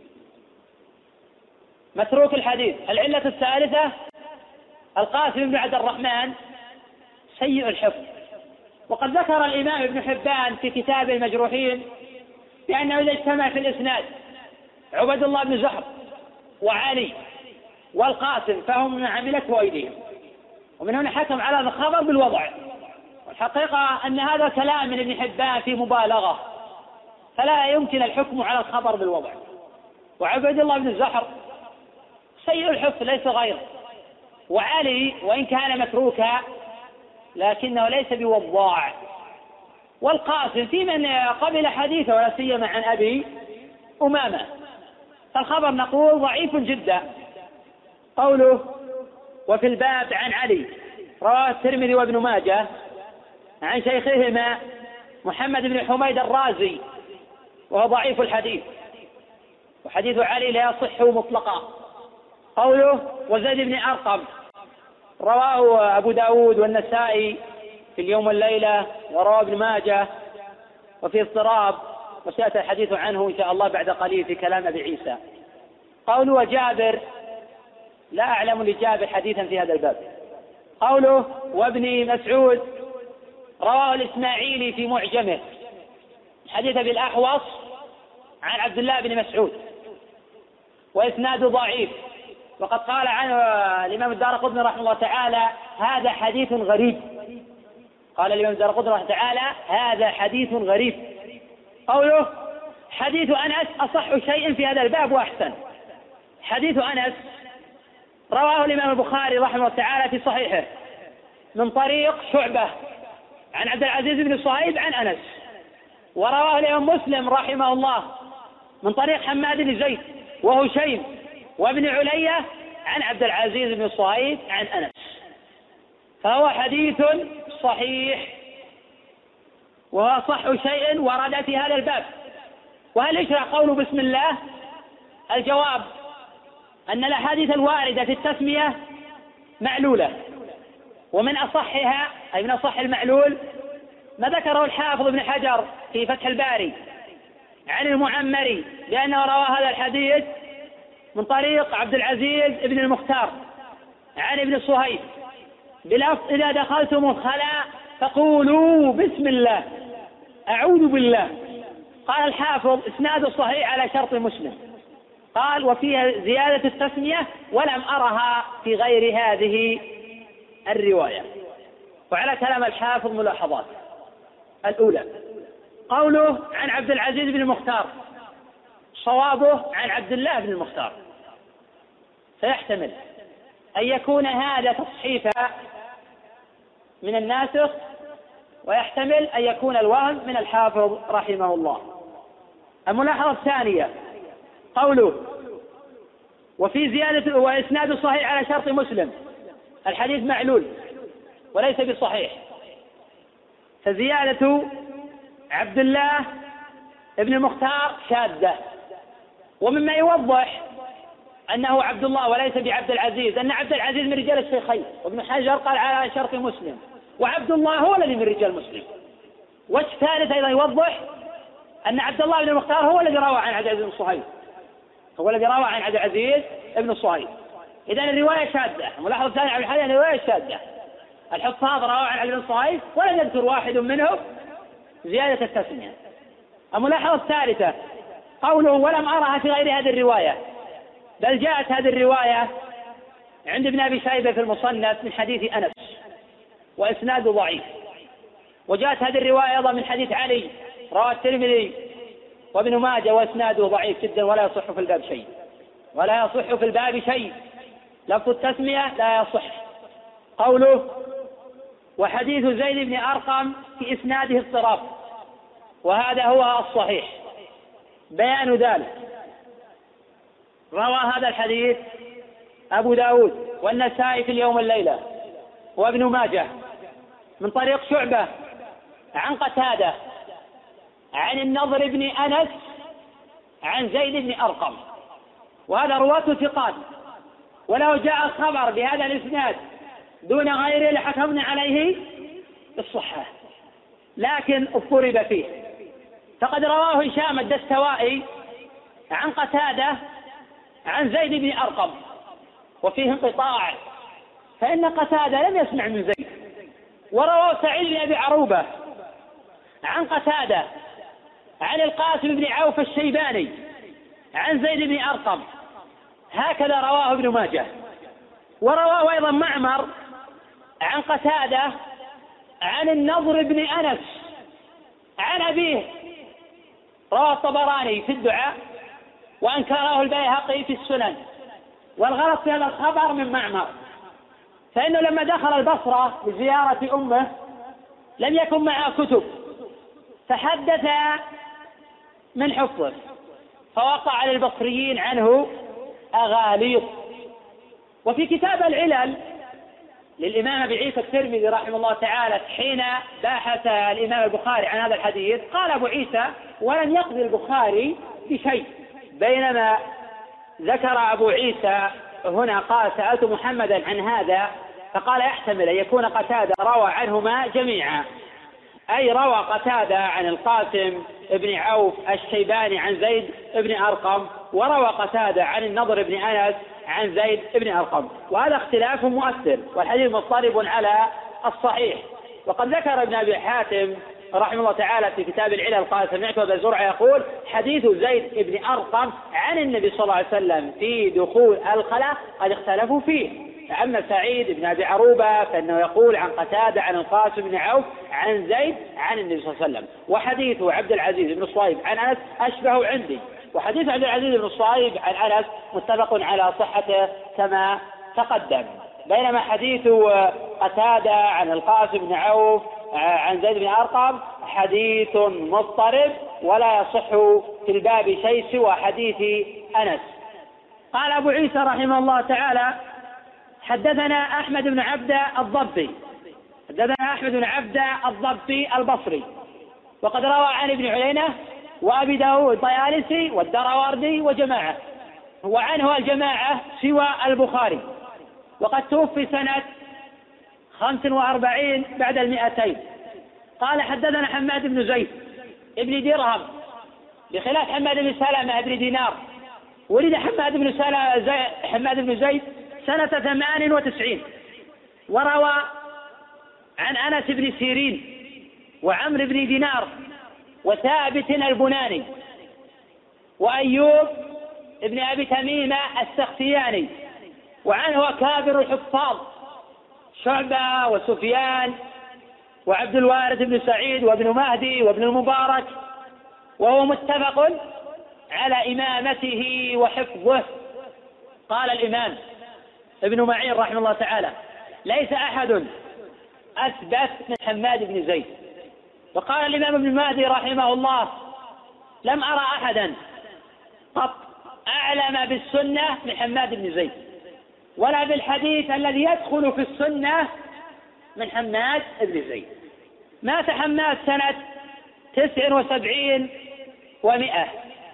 عن عبد العزيز بن صهيب تقدم الحديث عنه عن أنس بن مالك أن النبي صلى الله عليه وسلم كان إذا دخل الخلاء قال اللهم إني أعوذ بك من الخبث والخبث والخبائث. يجوز الخبث ويجوز آه، الخبث. قال أبو عيسى هذا حديث حسن صحيح. وقد رواه مسلم في صحيحه. عن يحيى ابن يحيى. قال أخبرنا حماد بن زيد. عن عبد العزيز بن صهيب عن أنس.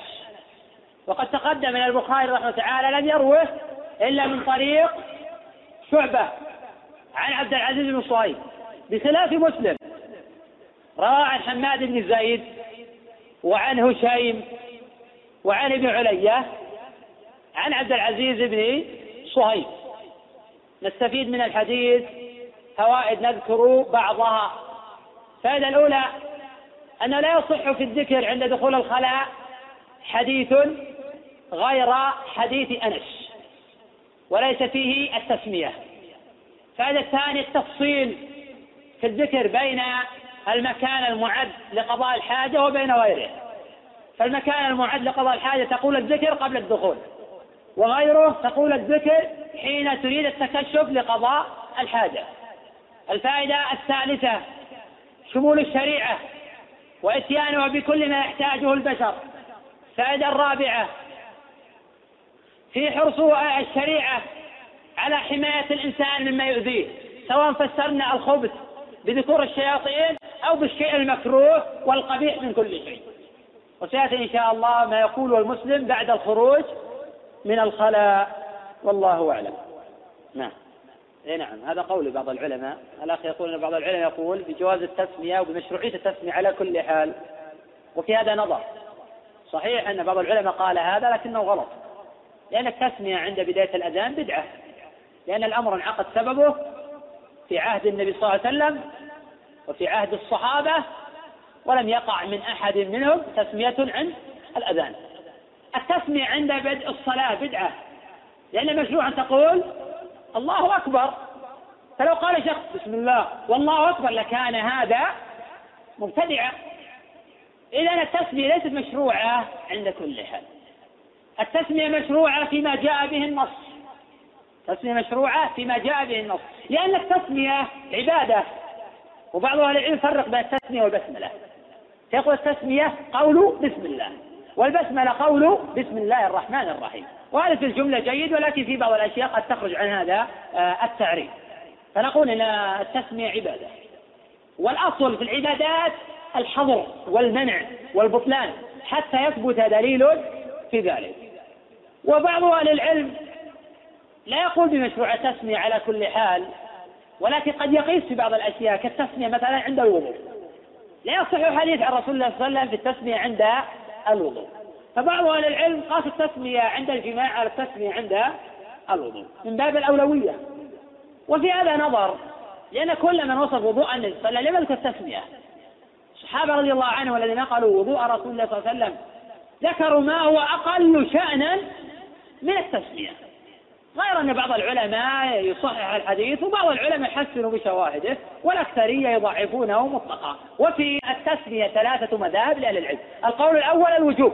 وهذا المشهور في مذهب الإمام أحمد رحمه الله تعالى. المذهب الثاني الاستحباب. وهذا مذهب أبي حنيفة والمشهور في مذهب مالك والشافعي. المذهب الثالث عدم المشروعية مطلقة. بل هي بدعة. وهذه رواية عن الإمام مالك رحمه الله تعالى. والذي أحفظ الآن أن عن مالك في هذا الباب ثلاث روايات. الرواية الأولى الوجوب. الرواية الثانية الاستحباب. الرواية الثالثة البدعية. ذكر ذلك بالرشد وغيره نعم. الأخ يقول ما هو الدليل على كراهية الذكر داخل الخلاء؟ أولا تقدم قلت فيما سبق أن الخلاء هو المكان المعد لقضاء الحاجة. والمكان المعد لقضاء الحاجة. فإذا كان البول أو الغائط يقر في هذا المكان فقد كان فيما مضى يسمى حشا ولا ولم يكن في عرف من مضى يسمى حماما. وفي عرفنا يسمى المكان المعد لقضاء الحاجة حماما. على أن البول والغائط لا يقر في هذا المكان بل يذهب بمجرد وقوعه في المكان المعد لذلك. نتكلم عن قضية ذكر الله في الحش الجمهور الأئمة الأربعة وغيرهم يقولون بكراهية ذكر الله في الحش لأنه ليس بموطن ذكر. واستدلوا ببعض الأحاديث بعضها صحيح غير صريح وبعضها صريح أنه ضعيف. كحديث أبي سعيد يخرج الرجلان يتحدثان كاشفين عن عرتهما يتحدثان فإن الله ينقص على ذلك. هذا حديث فيه اضطراب. جاء من رواية عكرمة بن عمار عن يحيى بن كثير وفيه اضطراب. على أن دلالة هذا الحديث غير صحيحة. لأنه ذكر كاشفين كاشفين عن عوراتيهما. يتحدثان فإن الله يمقت على ذلك. ولم يكتب حديث الذكر. واستدلوا بالحديث الذي سوف يأتي إن شاء الله. حديث يوسف بن بردة عن أبي عن عائشة. كان رسول الله صلى الله عليه وسلم إذا خرج من الخلاء قال غفرانك. لما كان ممنوعا من الذكر قالوا لما خرج قال غفرانك. أي أستغفرك لأنني لم أذكر الله في هذه اللحظة لأن هذا ليس موطن ذكر. واستدلوا أيضا بأنه لم يرد عن النبي صلى الله عليه وسلم ولا عن الصحابة ولا عن الأئمة الأربعة ولا عن الأئمة المتبوعين. قول في جواز الذكر في الحش في أثر إسرائيلي عن موسى حين قال لربه جل وعلا يا ربي أذكره. قال اذكرني في كل مكان. روى عبد الله بن أحمد في كتاب السنة. هذا أولا لا يصح ثانيا؟ نقول أولا لا يصح ثانيا. ليس بصريح في الدلالة على الجواز.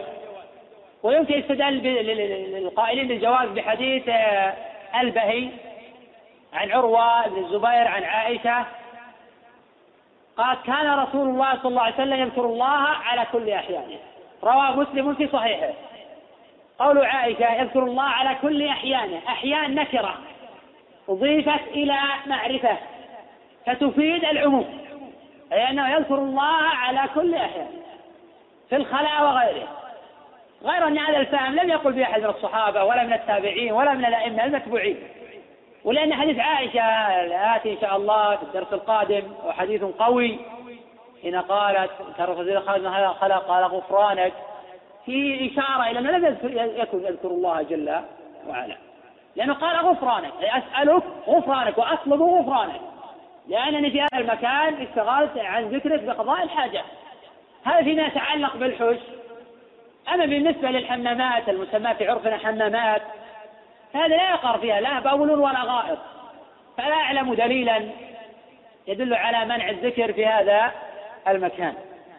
وبمناسبة هذه القضية حديث أنس السابق حين كان الرسول صلى الله عليه وسلم إذا دخل الخلق الله من نعوذ من الخبث والخبائث هذا الذكر بالاتفاق أنه مستحب وبالإجماع. كما نقل غير واحد من العلم الإجماع على استحبابه. ولا أعلم أحد من العلم قال بالوجوب. وهم متفقون على معناه أنه إذا كان المكان المعد لقضاء الحاجة أنه عند إرادة الدخول.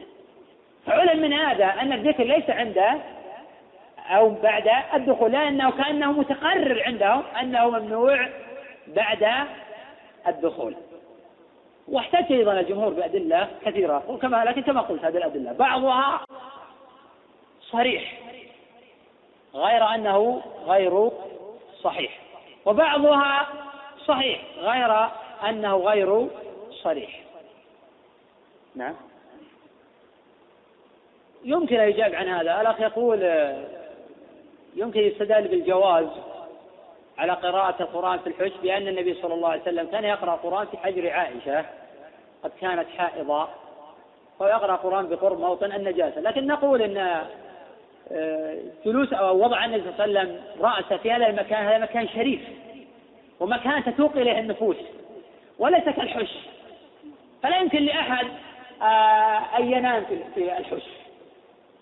لكن بإمكان أن الإنسان يضع رأسه بين فخذي زوجته فهو موطن تتوق إليه النفوس بخلاف هذا الموطن إذا افترق. ما في تشابه بين هذا وهذا. هذا الأمر الأول. أما الأمر الثاني أن النبي صلى الله عليه وسلم حين قرأ القرآن قرأ بقرب الموطن وليس في الموطن. بخلاف القراءة في الحش فإن القراءة في نفس الموطن. الموطن الوقت الثالث أن الحش موطن للشياطين. بدلالة هذا الحديث الصحيح الصريح. المتفق على صحته. بينما الموطن جالس ليس مأوى للشياطين بل الشياطين تفرق منه. حين يبتغي العبد ربه جل وعلا. ففي فرق بين هذا وهذا ولا يمكن القياس على هذا على هذا. نعم.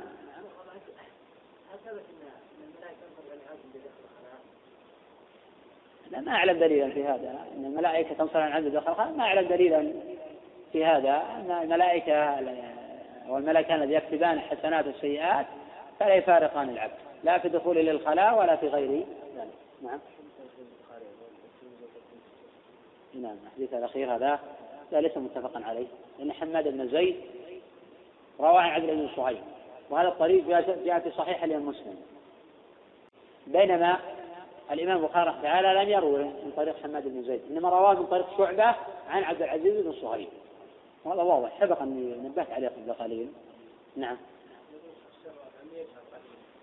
نعم. قضية الجار والسر إذا كان الإنسان يريد أن يعلم فالجار أفضل. لأن أنس رضي الله عنه حين قال كان الرسول إذا قال الخلق قال اللهم يكن الخبز قال كيف سمعه؟ لأنه ما قال علمنا الرسول صلى الله عليه وسلم قال كان صلى الله عليه وسلم. فهو ينقل حكاية فعل عن الرسول صلى الله عليه وسلم. فعلم من هذا أن النبي صلى الله عليه وسلم كان يجهر. لكن جار النبي صلى الله عليه وسلم للتعليم. فلو كان النبي صلى الله عليه وسلم يجهر على وجه الدوام لا صح من غير طريق أنس. من طريق عائشة لا طريق زوجاته من طريق علي من طريق غيرهم من الصحابة رضي الله عنهم. وإذا كان على غير وجه التعليم فإنه يخفض صوته بذلك. الصحابة رضي الله عنهم كانوا يشهرون في عبادات كثيرة من أجل التعليم. فهذا أمير المؤمنين عمر يجهر بالاستفتاح في مقام النبي صلى الله عليه وسلم ليعلم الناس. كما روى مسلم في صحيحه من طريق عبده بن أبي لبابة عن عمر في انقطاع وروى الدار قطني والصحابة جماعة بإسناد صحيح. وكذلك الفقهاء رحمه تعالى يجوزون آه، الجهر بكثير من العبادات من أجل التعليم. إذا كان على وجه التعليم فالجار حينئذ مشروع. وإذا كان على غير وجه التعليم فالإصرار هو هو الأصل. ولو جار الإنسان ولم ولم يكن وسواسا فلا بأس بذلك ليس مكروها لكن الأصل هو الإصرار أما إذا كان يجهل عن طريق الوسواس ونحو ذلك هذا لا ينبغي. نعم. الصواب في وفاة حماد بن زيد تسع وسبعين ومئة. وهذا اللي ذكرته من قبل. نعم. لا مالك ولد. ومالك يقول ولد 93 وتوفي 79 لا حماد 79 نعم. وفاة حماد بن زيد سنة تسع وسبعين ومئة. نعم؟ وهذا الصحيح. أنت تريد ماذا تقول؟ لا غلط. وفاة حماد بن زيد من قال 97 غلط. إيه؟ لا غلط. لأن تقدم من ولد 98 فعلى كلامك عاش 100 إلا سنة. نعم؟ لعل تعني وكيعا. فأنا قد توفي سنة 97 و100 أما حماد بن زايد فالأمر المقطوع به سنة 79 ولا يصح القول بأنه توفي سنة 97 نعم. الوارد عن ابن عباس انه قال اذا نسي فليقول بعد صحيح لا لا يصح عن ابن عباس. إنه يقول إذا نسي فيقول بعد الذكر إنما ورد عن بعض الصحابة كابن مسعود في الذكر عند الجماع إذا نسي أن يقول بعد الجماع. رواه ابن أبي شيبة وجماعة عن عبد الله بن مسعود. اللهم جنبنا الشيطان جنب الشيطان وزقتنا ذهب بعض الصحابة إلى أنه يقول بعد الجماع اذا نسي وهذا قول طائفة من الفقهاء. يعني على طريق سعيد بن زيد. ما أصلا موصول هذا في مسلم. لكن طريق سعيد بن زيد هو الذي يهمنا هو الذي يعنينا. علق البخاري ووصل في الأدب المفرد وهو معلول. أما طريق حماد بن زيد فوصلها الإمام مسلم ومن أصح الأسانيد ولا في أيضا زيادة يعني آه، معلومات على طريق شعبة عن عبد العزيز بن صهيب ولا على طريق إسماعيل بن عليا ولا على طريق هشيم. لكن اللي فيه زيادة معلومات هو طريق سعيد بن زيد هو أخو حمد بن زيد ولكنه معلول والتي إذا أراد أن يدخل الخلاء. كما أن في طريق عبد الله بن المختار زيادة وهي التسمية والأمر بذلك. والأمر بذلك. غير أن الرواية معلولة الرواية التسمية معلولة ورواية الأمر معلولة.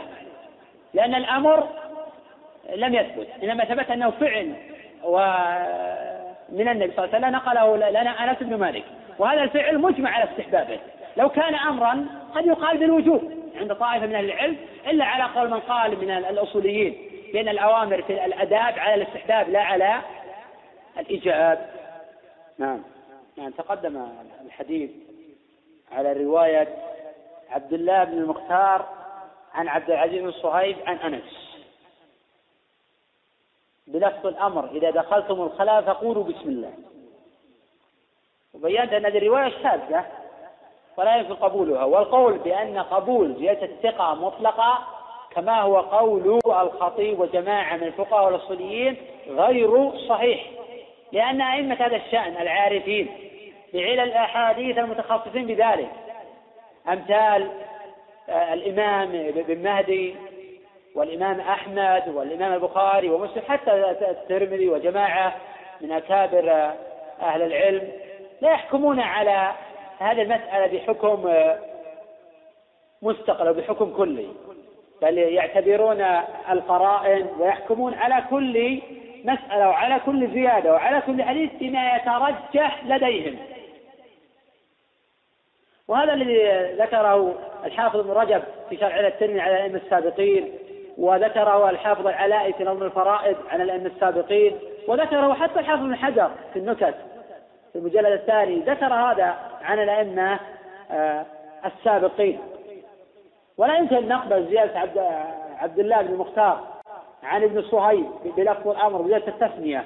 وقد رواه عن عبد العزيز بن صهيب جمع غفير من أكابر الحفاظ.